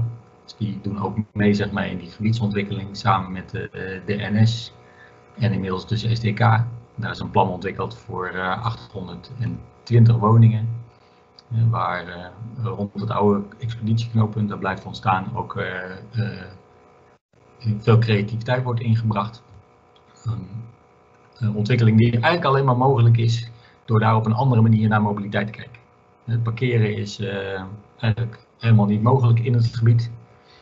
En dat doen we door uh, uh, deelsystemen, deelfietsen, deelauto's, uh, maar door ook een gebruik te maken van een parkeervoorziening op een gebied wat er tegen aangeplakt is.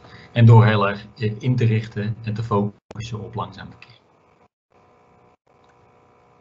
Nou, dan stap, maak ik even een stapje naar de Bosse Stadsdelta. Een van die projecten waar nadrukkelijk met de stad wordt geprobeerd te ontwikkelen. Is het gebied uh, rond de tramkade. Tramkade is een wat, wat ruiger gebied, zal ik maar zeggen, in Den Bosch. Eh, eigenlijk de afspraak is gemaakt dat tot 2025 een aantal partijen eh, met elkaar eh, voor reuring en vernieuwing kunnen zorgen. en de, de afgelopen twee jaar zeg maar, is geprobeerd om daar met de stad tot, tot een ontwikkelingsrichting en een gebiedsperspectief te komen. En ik heb deze dia er even bij gepakt, omdat dat eigenlijk wel goed aangeeft wat we daar proberen te doen namelijk voor verjonging te zorgen, om ook onze wateropgave daar een plek in te geven. En dat is die ruimte voor de moerasdraak. Moerasdraak is de, de bijnaam voor Den Bosch met de 80-jarige oorlog. En talent voor gastvrijheid. en eigenlijk heeft dat iets te maken met een van de kernwaarden van Den Bosch, namelijk ontmoeting. Nou, daar is een, uh, inmiddels een, uh, een, ruimtelijk functionele visie voor, voor ontwikkeld. En er wordt een, een, link gemaakt ook met een van de, de vestingwerken. sowieso een punt in Den Bosch wat eigenlijk in heel veel plannen gewoon wel terugkomt. Hè? Die link met de historie en ook het gebruik van historisch erfgoed. En de, de citadel is inmiddels betrokken in, in de plannen. Natuur heeft er dus een, rond, rond het water en met het water een belangrijke plek in. En ook die reuring, ik het over had, vernieuwing, jeugd, verjonging, evenementen, zijn allemaal wel basis voor dit. Dan maak je het stapje naar het innovatiedistrict. We weten natuurlijk allemaal, hè, Brabant, kenniseconomie van Brabant. Nou, Den Bosch eh, speelt daar zijn, zijn part in. Uh, via uh, data en ICT met name, focus daarop. Ehm, en in Den Bosch, in het innovatiedistrict, maar de kern daarvan is eigenlijk het gebied rond het oude Grasso-complex. En daar realiseren we, dat is inmiddels verbouwd, gerestaureerd. En dat is eigenlijk een, ja, een, een, centrum voor ICT en, en data-ondernemerschap. Dan ga ik door naar het, het knooppunt.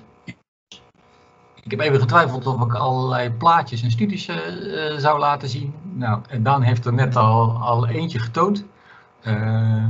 we zijn ernstig gaan studeren met Spoorse partijen, met INW, op dit station, omdat we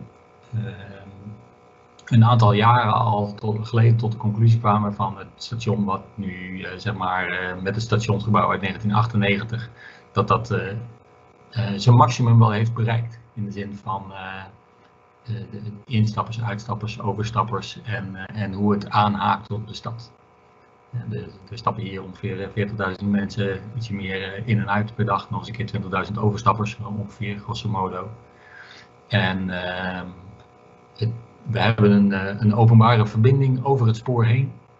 Uh, maar inmiddels is het zover dat al die mensen die s ochtends uh, uitstappen elkaar verdringen op het station en dat dat gewoon niet meer veilig is.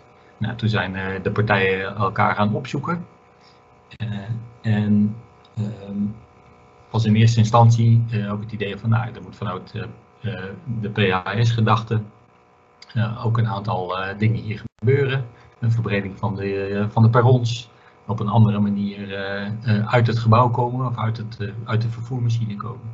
Maar tegelijkertijd was er wel het besef van, ja, als we dat doen, en we doen dat alleen maar kijkend naar de knelpunten van nu, dan zijn we, als we klaar zijn met deze operatie, eigenlijk weer op hetzelfde punt aanbeland. En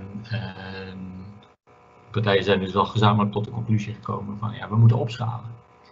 En uh, het verhaal wat Daan net vertelde over uh, het besef dat, uh, dat het station, het knooppunt, eigenlijk ook een, centrum is van de stad.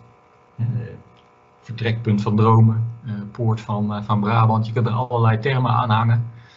Ehm, maar dit is waar heel veel meer stedelijkheid dan nu zich in de toekomst ook omheen zal wentelen. En ik ben dus ongelooflijk blij, wij zijn enorm blij dat het knooppunt inmiddels een vlucht heeft genomen en dat eind vorig jaar op de agenda van het, het meer terecht is gekomen. als ze opknappen van het en opschalen van het knooppunt, maar dan ook inclusief die stedelijke opgave. Nou, daar wordt een hele tijdlijn bij, maar dat is eigenlijk helemaal niet zo interessant voor hier. Um, eh, de laatste twee eh, dilemma's, of de laatste twee dia's, eh, niet onbelangrijke dia's, wij lopen natuurlijk tegen een heleboel dingen aan. Um, allerlei opgaves die we hier ehm, in de spoorzone moeten oppakken, maar ook een heleboel dilemma's die daarbij horen. Um, kwaliteit van de openbare ruimte is een van die punten die al eerder in de presentaties ook genoemd is. En we zijn hier aan het, aan het verdichten in een gebied waar dat deels nog kan en waar je af en toe uh, in de toekomst ook wel iets zult moeten uh, slopen en herbouwen, of iets moeten aankopen of niet. Uh, met die verdichting zal er in ieder geval voor zorgen dat de ruimte die je nog wel over hebt, de openbare ruimte, wel van enorme kwaliteit zal moeten zijn. Uh, en daar waar we nu al zien dat er een aantal verbindingen is tussen de west- en de oostzijde van het station, hè, dus tussen het eigenwijze zusje en het historische hart, ook daar zullen we op moeten uh, investeren. Uh, via het knooppunt, maar ook door andere verbindingen. Nou, daar zijn we op dit moment studie aan, aan het doen. Ehm, die massa-mix die, die kost ook een hoop geld, maar daar kom ik straks nog wel eventjes op terug. wij zijn wel tot de conclusie gekomen dat we dat hebben jullie misschien wel gezien aan de projecten die net voorbij kwamen, dat die nog wel op enige afstand liggen van het station. Behalve het, de, de stedelijke ontwikkelingen rond het station zelf. En het is dus voor ons ook nog wel de opgave om in de, de komende jaren, decennia, dichter bij het station plekken te vinden waar je uh, bij kan bouwen. Nou, voor een deel zit dat in de studies van nu, ja, voor een deel is dat ook nog een opgave voor de toekomst. En ik heb het maar even de standaardopgave genoemd die ik net al noemde, hè, bijvoorbeeld rond klimaat of water. Um, een aantal dilemma's um, die we heel erg tegenkomen. Um, we, mogen ons gelukkig prijzen, en dat geldt eigenlijk voor heel Den Bosch, maar zeker ook voor de spoorzone, dat het een, uh, een aantrekkelijk gebied is wat veel gevraagd is. als je gaat vernieuwen, als je gaat verdichten, gaat toevoegen, en je hebt het eventjes over woningen, nou, blijft het dan nog inclusief is het nog voor iedereen of wordt het voor de happy few? Dat is een, uh, een onderwerp wat al sinds uh, jaar en dag heel veel aandacht heeft in de raad en, de laatste jaren alleen nog maar meer. Ehm, ja, ook voor deze hele operatie is die bijzonder belangrijk. En ik wilde afsluiten met het dilemma wat gaat over de verdichtingsoperatie die ehm, ook wel wordt gecompliceerd door de, de keuze van het Rijk om, uh, ja, dat gaat over de boog van meter, ik zal er niet heel erg inhoudelijk op inzoomen, maar het betekent in ieder geval extra goederenvervoer uh, met hinder en met gevaar dwars door dit gebied. En vanuit die opgave, ja, hoe kijken we dan naar wat nodig is? Hè? Van, geld is al een aantal keren langsgekomen. We hebben vanuit de, die die 14 ehm, grote woningbouwlocaties zijn er door het Rijk ook eh, business cases gemaakt.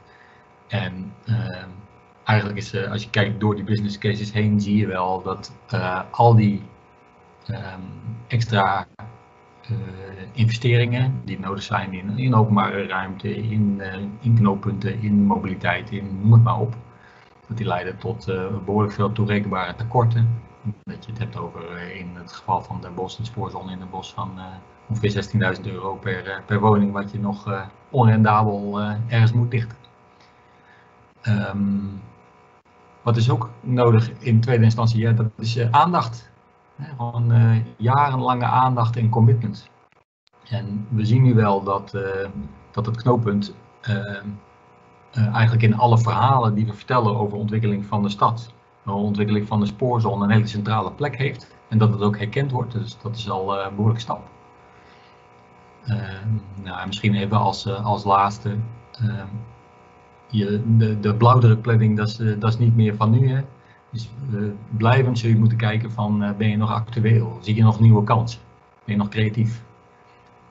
en tenslotte, ehm, we weten allemaal dat het niet alleen maar gaat over woningbouw, maar over een hele integrale opgave.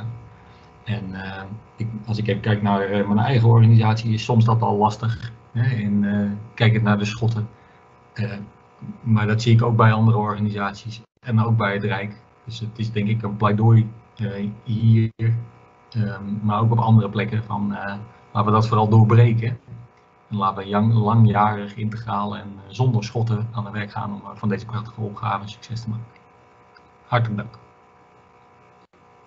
Erik, uh, dankjewel. Het is mo mooi weergegeven wat voor verschillende opgaven jullie hier ook, uh, ook, ook hebben. En ik denk ook een goede illustratie van datgene wat we, wat we eerder hebben gehoord. Er is een aantal verschillende vragen gesteld in de chat. Die wil ik even tot het einde bewaren. Ik wil eerst graag het woord geven aan Harjan Stalman van de gemeente Purmerend. Mm, ja, in Purmerend is uh, uh, ook een uh, forse gebiedsontwikkeling aan de, um, of, staat op stapel. Antoinette die refereerde daar, daar al aan. Harmian, mag jij het woord geven? Ja, Maarten, dankjewel. ontzettend fijn dat ik iets mag vertellen over, over deze mooie ontwikkeling in, in Purmerend. Ik, ik ga jullie meenemen met de ontwikkeling van het stationsgebied. Ik zal eerst even beginnen met een stukje context. Even de besturing overnemen. Ehm, ik zal mezelf eerst even voorstellen, dat is wel even handig. Ik ben uh, Stalman, ik ben uh, stedenbouwkundige en programmamanager voor de gemeente Purmerend. In die hoedanigheid betrokken bij ontzettend veel ontwikkelingen in de stad. eerst even iets over Purmerend zelf. Jullie kennen ongetwijfeld Purmerend. Ik, zelf, toen ik in Purmerend kwam werken, dacht ik inderdaad aan Zoetermeer, Houten, Spijkenissen. Nou, jullie kennen allemaal wel het rijtje van, van groeikernen. Purmerend is ook een groeikern. Dit is de afgelopen ja, 60 eh, of uh, zes decennia enorm gegroeid. Het is uh, vertienvoudigd qua inwonertal. Van de 8000 inwoners na de Tweede Wereldoorlog tot ruim 80.000 inwoners nu. En nou, jullie zien hier het plaatje met hoe het was ongeveer 100 jaar geleden. wat heel veel mensen niet weten is dat Purmerend een historische binnenstad heeft. Met meer dan 600 jaar stadsrechten. Is wel een verborgen pareltje. En we zijn enorm gegroeid. Uh, en we staan eigenlijk nu weer als stad weer voor eenzelfde opgave, alleen hij is wel iets anders. We zijn enorm gegroeid van, uh, vooral voor de gezinnen. De overloop natuurlijk uit, uit Amsterdam. Um, alleen die gezinnen hebben kinderen gekregen en die kinderen willen graag in de stad blijven wonen. Dus de focus ligt dus vooral op de kinderen van die gezinnen die uit de jaren 70 naar, uit Amsterdam zijn vertrokken. En ook die mensen worden ouder, die zijn op zoek naar een nieuwe wooncarrière. Er is een enorme vraag naar uh, eenpersoonshuishoudens, starters, ouderen. Nou goed, dat soort eh, die doelgroepen, daar hebben jullie natuurlijk allemaal mee te maken. Die moeten een plek krijgen in, in onze stad.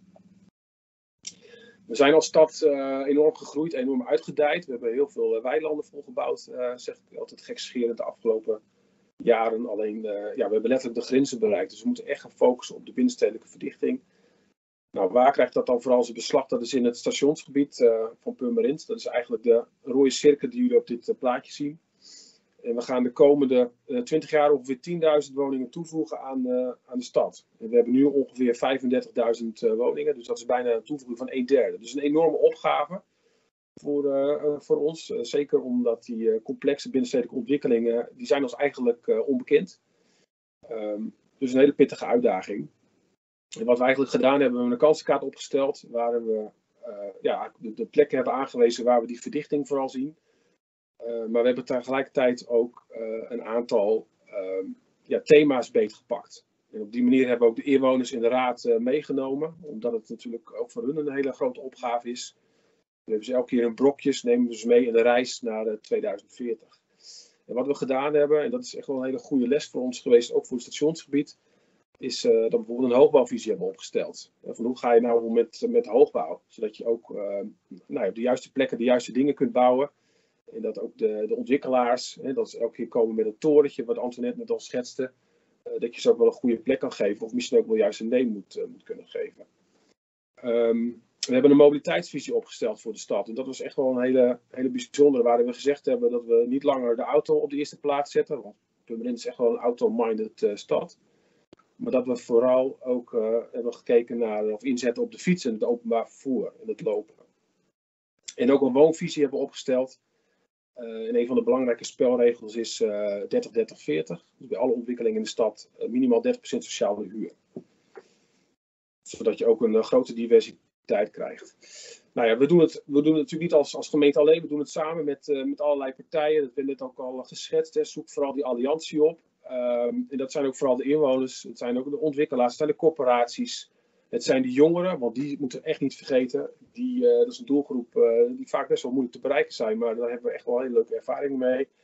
En een van de leukste ervaringen die wij hebben gehad is dat we een, een bewonersavond hebben georganiseerd. Niet alleen met omwonenden, want dan gaat het altijd over die, die woontoren van, van tien lagen achter, achter mijn huis. Maar ook de woningzoekenden erbij. En dan krijg je een ontzettend leuke dialoog in gesprek. En um, nou ja, dan weten ze ook elkaars uh, standpunt goed te overtuigen en krijg je ook wederzijds begrippen. Dat is echt wel een hele mooie eye-opener geweest, ook voor, uh, voor de ontwikkelingen van het stationsgebied. als ik even inzoom op het stationsgebied van, van Purmerend, jullie zien hier een, een schetsje. Het is een beetje misschien moeilijk te zien door alle plaatjes die ik er overheen heb geplakt. Maar jullie zien links bovenin de historische binnenstad, de, de van de Singel duidelijk zichtbaar. En rechts het stationsgebied van, van Purmerend. Uh, met, uh, met rondom het uh, centrale middelpunt eigenlijk het station. En um, de grootste opgave die we eigenlijk hebben is dat wij het stationsgebied willen versmelten met de historische binnenstad. Dat is eigenlijk een opgave die in de jaren 70 al bedacht is. Toen die enorme groeispurt van Purmerend op gang kwam. Ehm, tegelijkertijd moesten er ook heel veel voorzieningen komen. Denk aan een ziekenhuis en een bibliotheek en een stadhuis. Uh, de oude binnenstad had daar geen plek voor, dus die is allemaal bedacht langs die uh, belangrijke oost-westroute door de stad. Dat is de Waterstandlaan, daar laat ik zo meteen wel een plaatje van zien. Daar moest eigenlijk een nieuw centrum worden. Nou, uiteindelijk zijn al die voorzieningen wel gekomen, alleen het is in de tijd gebouwd, de jaren 80, niet de meest florissante periode. Wat nu ook echt wel te zien is in de uitstraling van het gebied. En we gaan nu eigenlijk dat hele gebied een nieuw leven inblazen. Um, er zijn al een aantal ontwikkelingen in gang gezet. En dat zijn uh, de plaatjes die jullie bovenin zien. Echt uh, grote, nou ja, best wel stevige stedelijke transformaties voor, voor Purmerendse begrippen. Echt die, die, grote gebaren die hebben we eigenlijk als Purmerend nog niet. Dus het zijn echt wel nou, stedelijke ingrepen, ook met, met heel veel functiemenging. Met ook dus een eerste aanzet tot die hele stedelijke vernieuwing um, in het centrumgebied. En jullie zien onderin in het midden het plaatje van het huidige stationsgebied. Uh, nou ja, het, is een, uh, het is niet het meest uh, florissante uh, station. Ehm, het is ook heel moeilijk om je te oriënteren. Als je met de trein aankomt en je stapt uit, is het heel moeilijk. Kan niet, weet je niet waar de binnenstad is. Je ziet de snackbar aan je rechterhand en je denkt, oh dat zal wel de binnenstad van Purmerend zijn. Ik chargeer een beetje. Maar dat is wel echt een van de, van de grote kansen die er liggen om dat ook het station een betere plek te geven in het stedelijk weefsel. Uh, we hebben een, een, gebiedsvisie opgesteld voor het, uh, voor het stationsgebied. Die is um, opgesteld door Vinhoeven CS. Waar we echt eigenlijk de grote ambities hebben neergelegd wat wij met het gebied uh, voor ogen hebben. Want er ligt echt ontzettend veel kans om daar een, een hoogstedelijk woon-werkgebied van te maken. Met het toevoegen van heel veel woningen, werkgelegenheid, voorzieningen. Um, en dat allemaal rondom een centraal OV-knooppunt.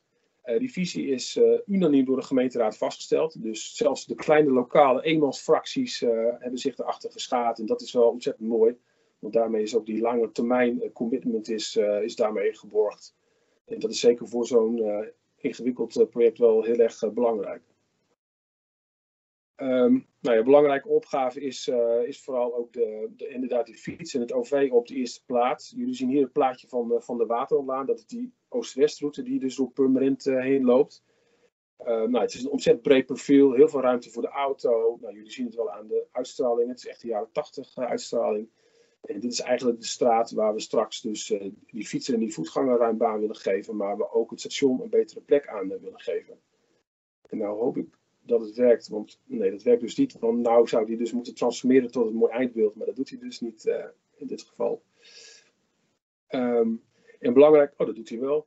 Kijk, uh, dit is dan zeg maar het beeld wat we ongeveer voor ogen hebben. Nou, jullie zien, uh, zo wordt het niet, zeg ik maar meteen. Maar dit is wel een beetje een indicatie met ontzettend veel, ook groen ook.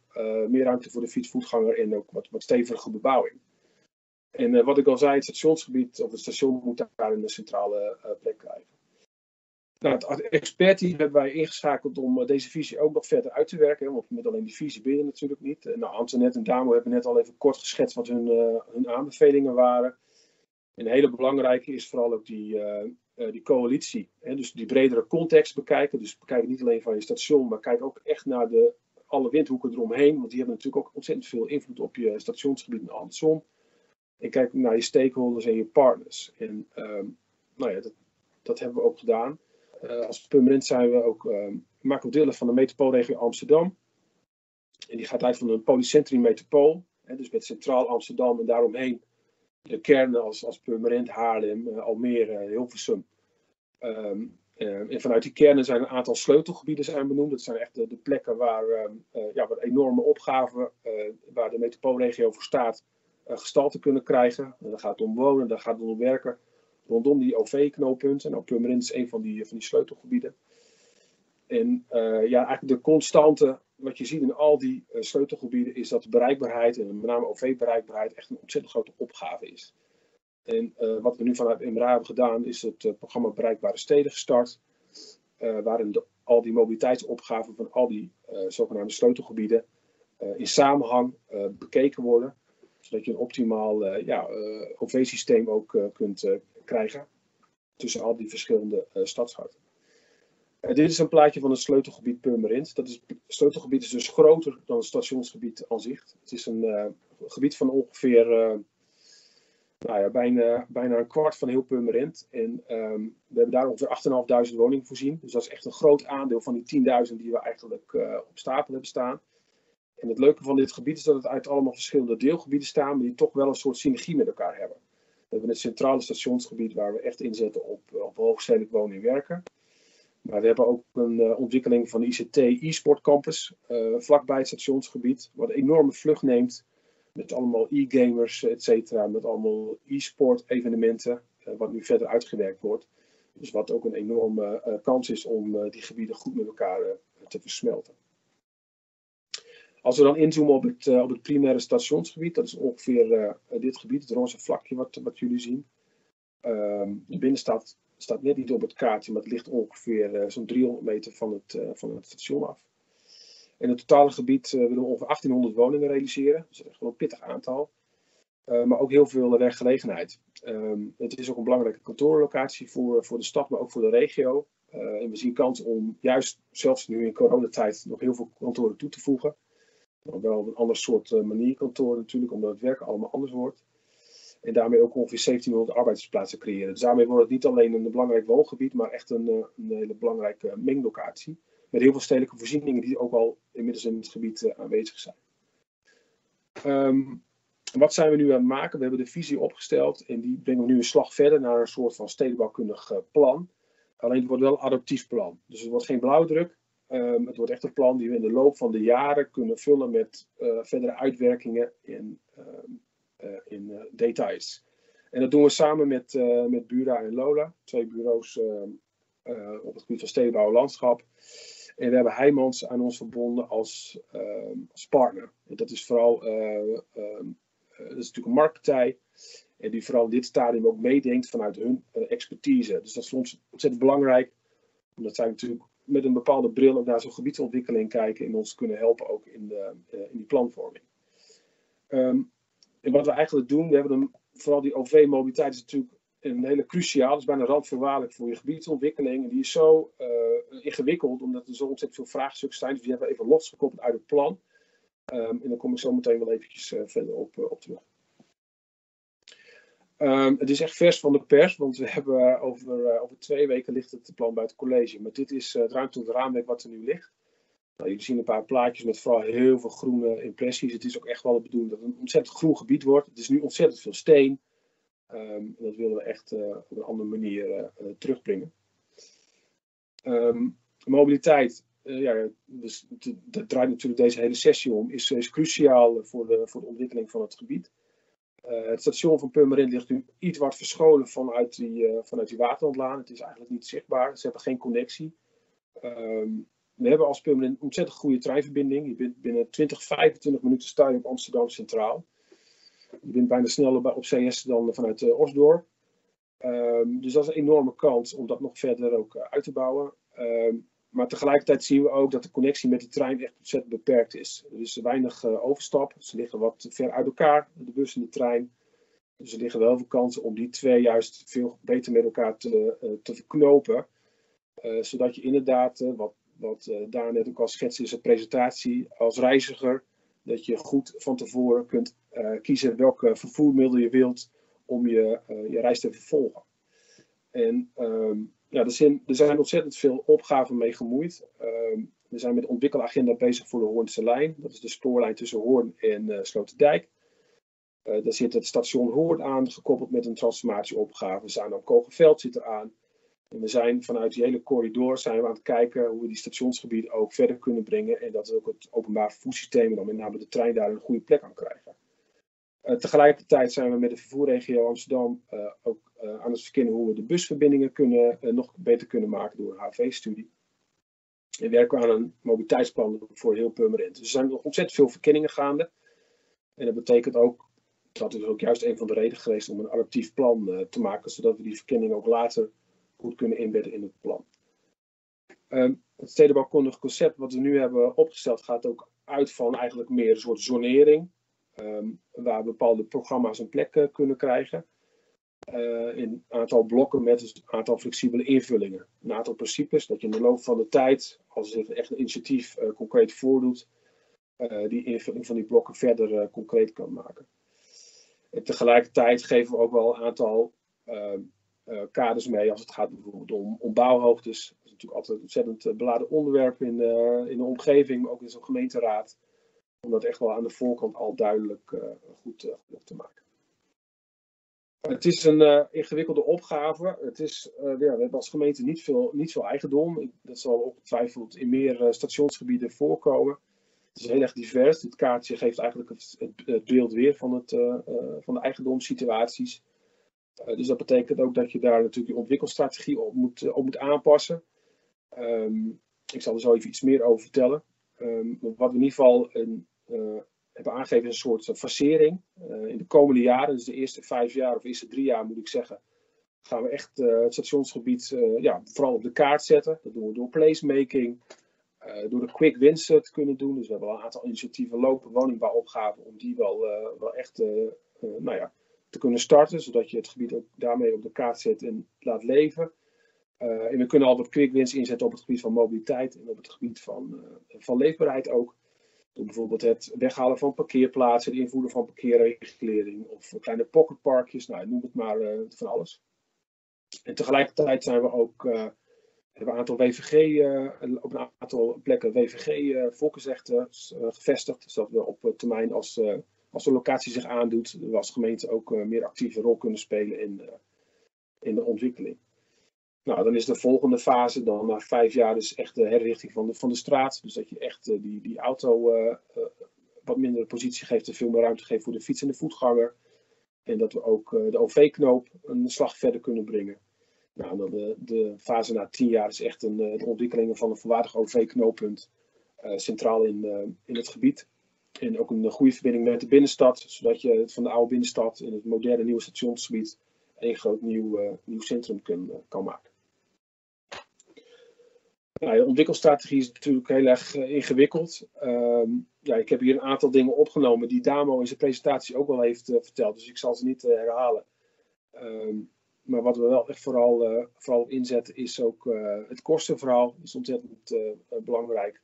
Ehm, in andere grondbeleidsinstrumenten zoals de bovenwijkse plankosten omdat ja, wij zijn al een middelgrote gemeente. We hebben niet een enorme financiële buffer. Dus op deze manier uh, krijg je natuurlijk wel wat meer financieel uh, draagvlak.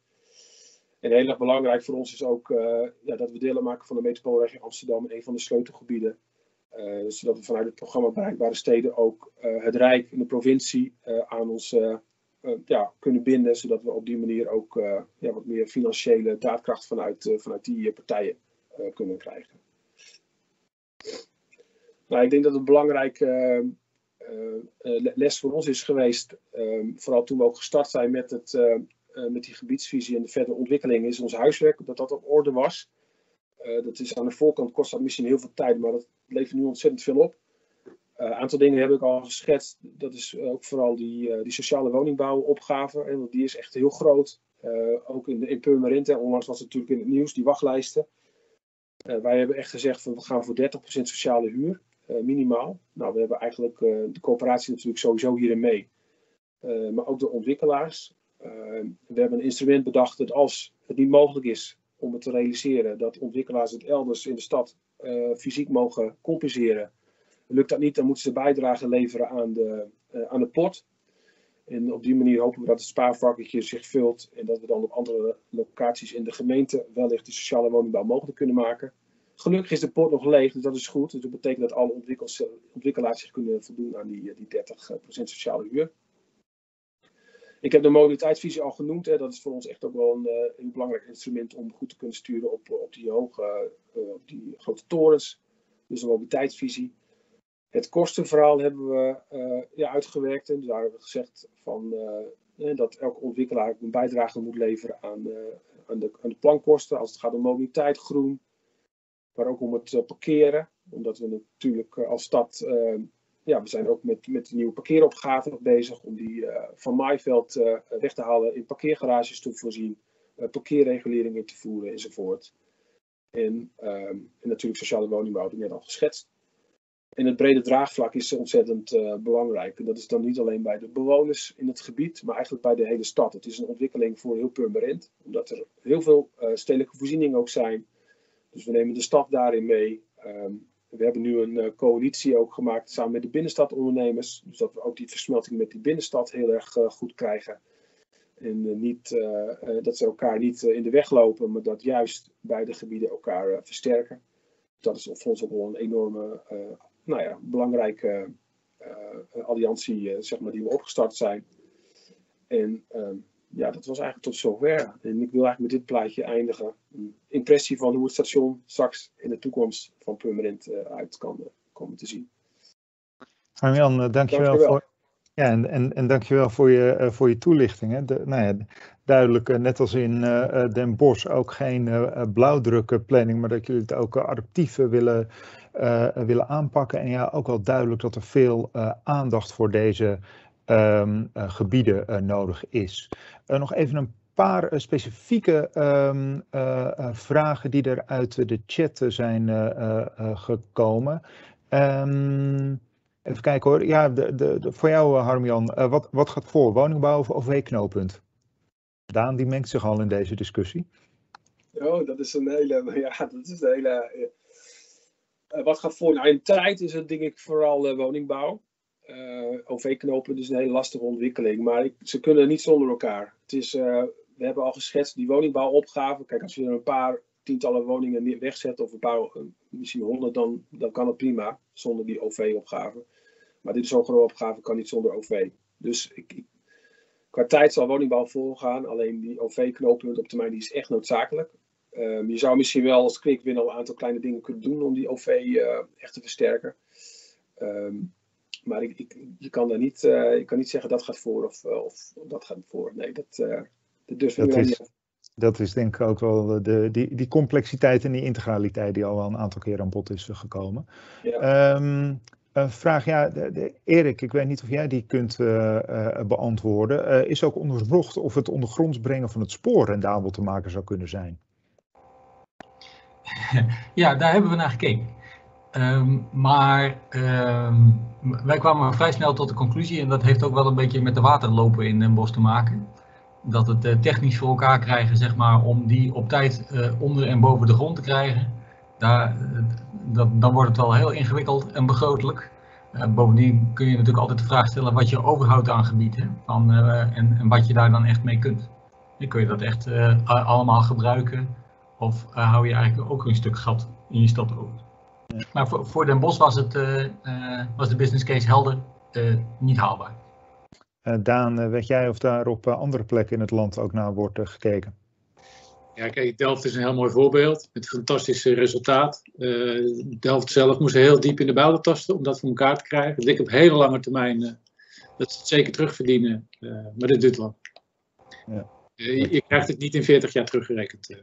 nee nee, dus dat uh, vraagt een uh, nog uh, grotere investering inderdaad dan het al... ja, kijk, wat, net als met overbouwen, hè, dus wij zijn ook druk bezig met het bestuderen van spooroverbouwingen. Wat wij zien is dat in de grote steden, Utrecht, Amsterdam, misschien Den Haag, dat je het net break-even krijgt. Maar bouwen boven het spoor is wel net weer wat minder complex dan het spoor onder de stad doorbrengen, denk ik. Ja, ja. Um, en de, de, uh, Erik, kan jij daar wat over zeggen? Een aantal vragen die zijn gesteld over de geluidsproblematiek in, uh, in. Hoe ga je daarmee om uh, rondom dove gevels? En hoe ga je om met trillingen, externe veiligheid, dat soort vraagstukken? Ehm, ja, zonder in een heel technisch verhaal of, te vervallen. Hè, van, dat kan natuurlijk wel veel. Dat bewijst het hele land al. En ehm, we weten ook, eh, eh, als je even kijkt naar eh, de spoorzone en het paleiskwartier met name, dan zie je vrij grote, vrij stevige wanden zeg maar, op enige afstand van het spoor.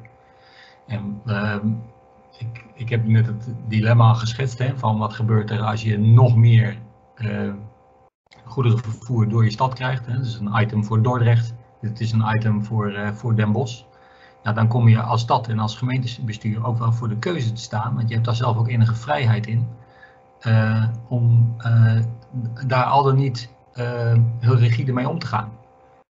en dat betekent ook wel een beetje, het, heel, heel streng gezegd, het verleggen van het probleem zeg maar, naar gemeentebestuur. En daar, ja, je kunt die hele operatie van verdichting niet doen zonder netjes met hinder en dat soort dingen om te gaan. En dat betekent dat je moet investeren.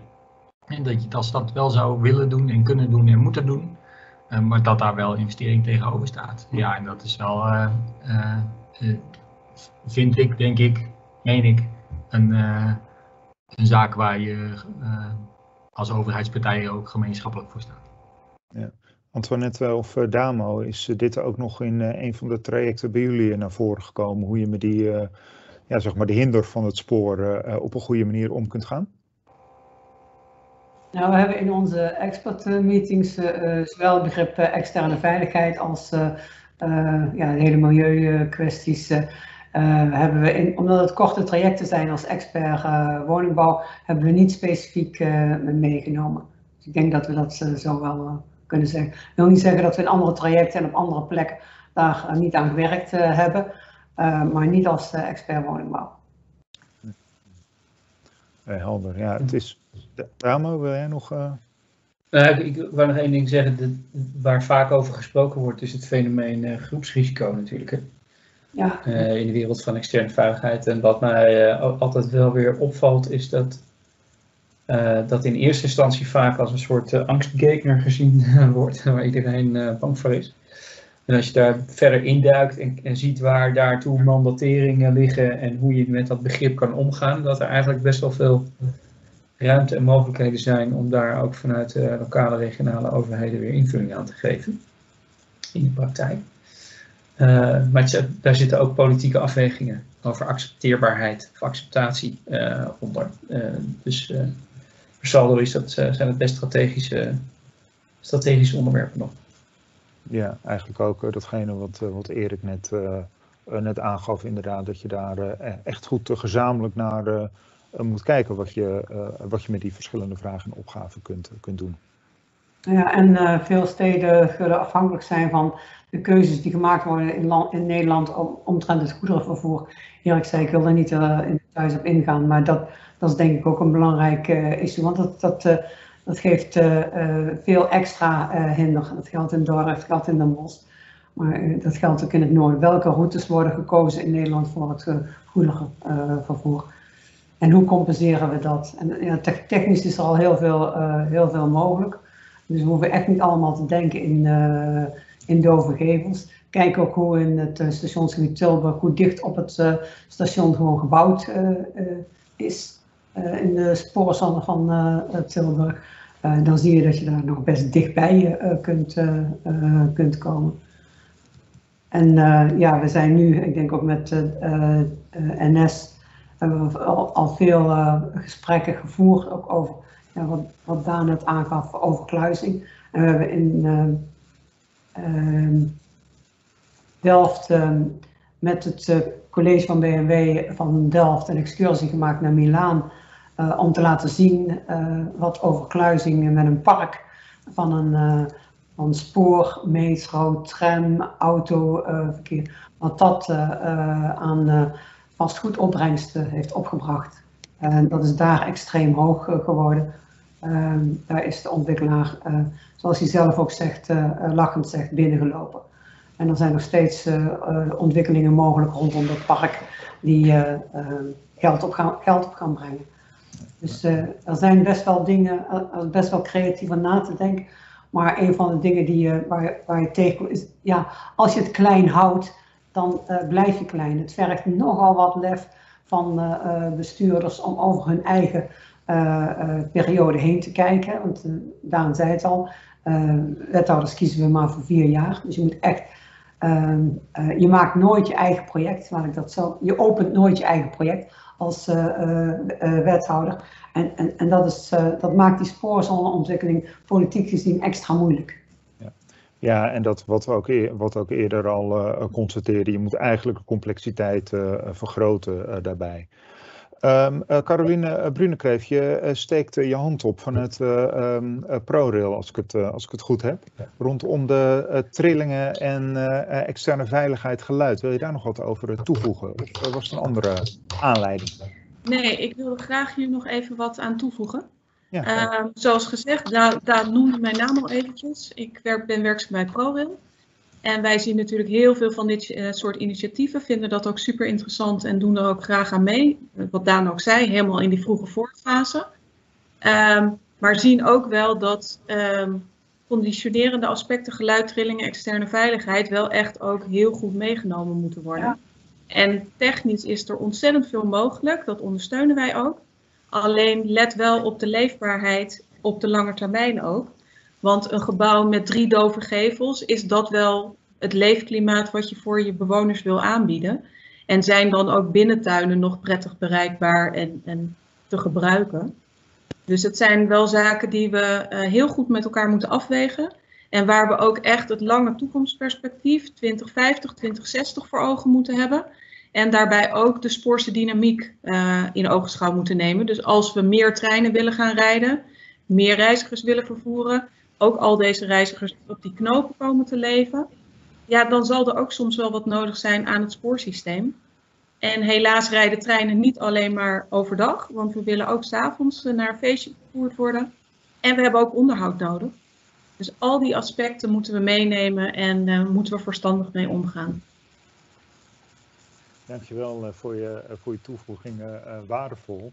Ja, ik uh, denk dat we wel met z'n allen kunnen, uh, uh, kunnen constateren dat het complexe opgaven zijn. En ja, ik, ik, ik weet niet of u nu met meer moed in de, of de, dat de moed u in de schoenen is gezonken om nog met deze locaties um, aan de slag te, te gaan. Maar ja, volgens mij, als ik het enthousiasme ook van bijvoorbeeld Erik en Harm-Jan zie, zijn juist volgens mij wel de locaties die ontzettend interessant zijn om daar ehm, ja, je tanden in, in, in te zetten. Want het biedt wel enorme kansen inderdaad voor de steden. U zult het uh, ongetwijfeld gemerkt hebben. We zijn iets na vijf door, doorgegaan, maar ja, ik dacht uh, ik uh, kan u toch niet uh, tegenhouden om op het knopje verlaten te drukken als u het echt niet meer ziet, ziet zitten. Um, een groot deel van u is nog aanwezig, maar ik wilde toch richting een, een afronding ehm, gaan. Um, ja, ik merk er zijn nog verschillende. We, hebben in deze sessie echt een ja, overall view willen geven van wat zijn nou de kansen en, en mogelijkheden en opgaven in eh, die uh, verschillende uh, stationsgebieden. En ja, je hebt ook met die stations te maken die aan de ene kant ook die, die, die, die overstapmachines zijn, wat nou, de, de complexiteit die Daan denk ik ook wel heel goed daarbij schetste. En ja, al die andere verschillende opgaven die, die in die omgeving spelen. Dus ja, dat, dat vraagt, um, vraagt aandacht, vraagt veel van eh, de verschillende partijen om hier met, eh, met aandacht naar eh, te kijken. Um, we hebben vanuit, um, nou, in, in, in de gesprekken die we, die we ook hebben met de, bijvoorbeeld het expertteam woningbouw, merkten we vanuit het programma Stedelijke Transformatie ook dat we ja, dat juist dus wat meer inzoomen op ja, wat, specifieke gebieden, dat dat ook wel interessant zou kunnen zijn. Normaal doen we het iets meer thema gewijs, maar nu echt gericht op die, die spoorzones of stationsomgevingen. Uh, volgens mij zitten hier nog wel ja, voldoende vragen in voor, voor vervolg.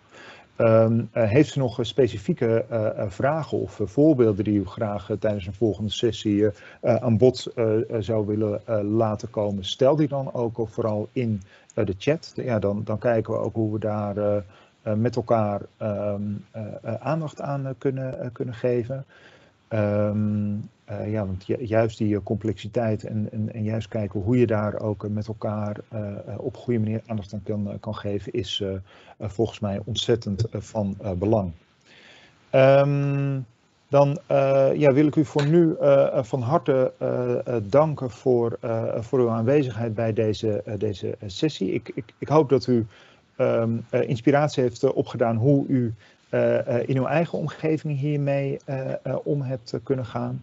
En ik wil um, op deze, op, via deze weg ook nog Antoinette Damo, um, Daan, Erik en Harm-Jan van harte danken voor hun inleidingen.